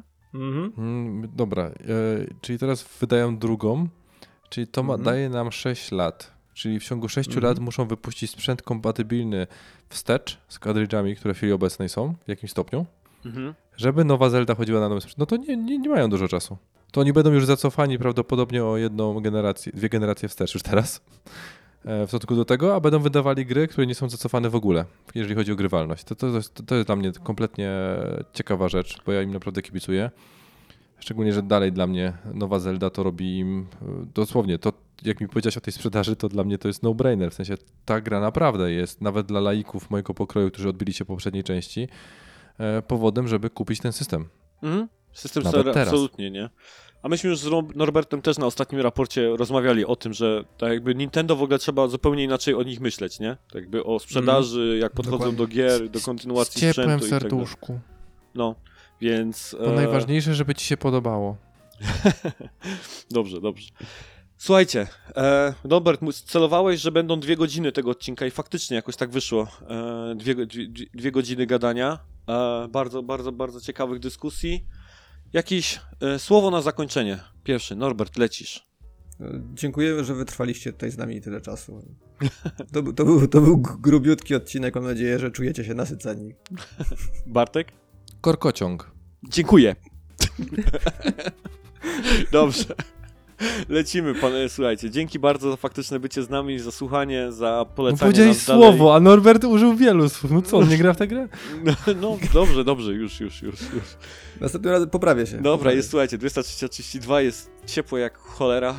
Kończmy to e, i żegnajmy się, więc ja podziękuję po pierwsze wszystkim słuchającym nas, że jesteście tutaj z nami. Dzięki bardzo Norbert, Dzięki serdeczne. dzięki Bartek. Znaczy ja tu powiem jedną rzecz. Życzę nam sobie, żebyśmy już więcej nie musieli omawiać tytu- tego tematu Microsoft vs FTC. Do widzenia. No, dobrze, już myślałem, że znowu będziesz się rozwodził. To ja też się pożegnam i trzymajcie się do następnego za dwa tygodnie. Pa, pa. Cześć, cześć. Raport o grach to podcast w ramach bloga Raczej Konsolowo www.raczejkonsolowo.com Znajdziecie tam linki do drugiego podcastu Raczej Konsolowo Gamecastu oraz do kanału YouTube. Na samym blogu natomiast wpisy poświęcone grom wideo. Jeśli podobało Wam się to, co usłyszeliście tutaj, prosimy Was o recenzję i pozostawieniu dobrych ocen w serwisach podcastowych, co pomoże nam dotrzeć do większej grupy słuchaczy. Za wszystkie oddane głosy i recenzje serdecznie dziękujemy. Do następnego odcinka za dwa tygodnie.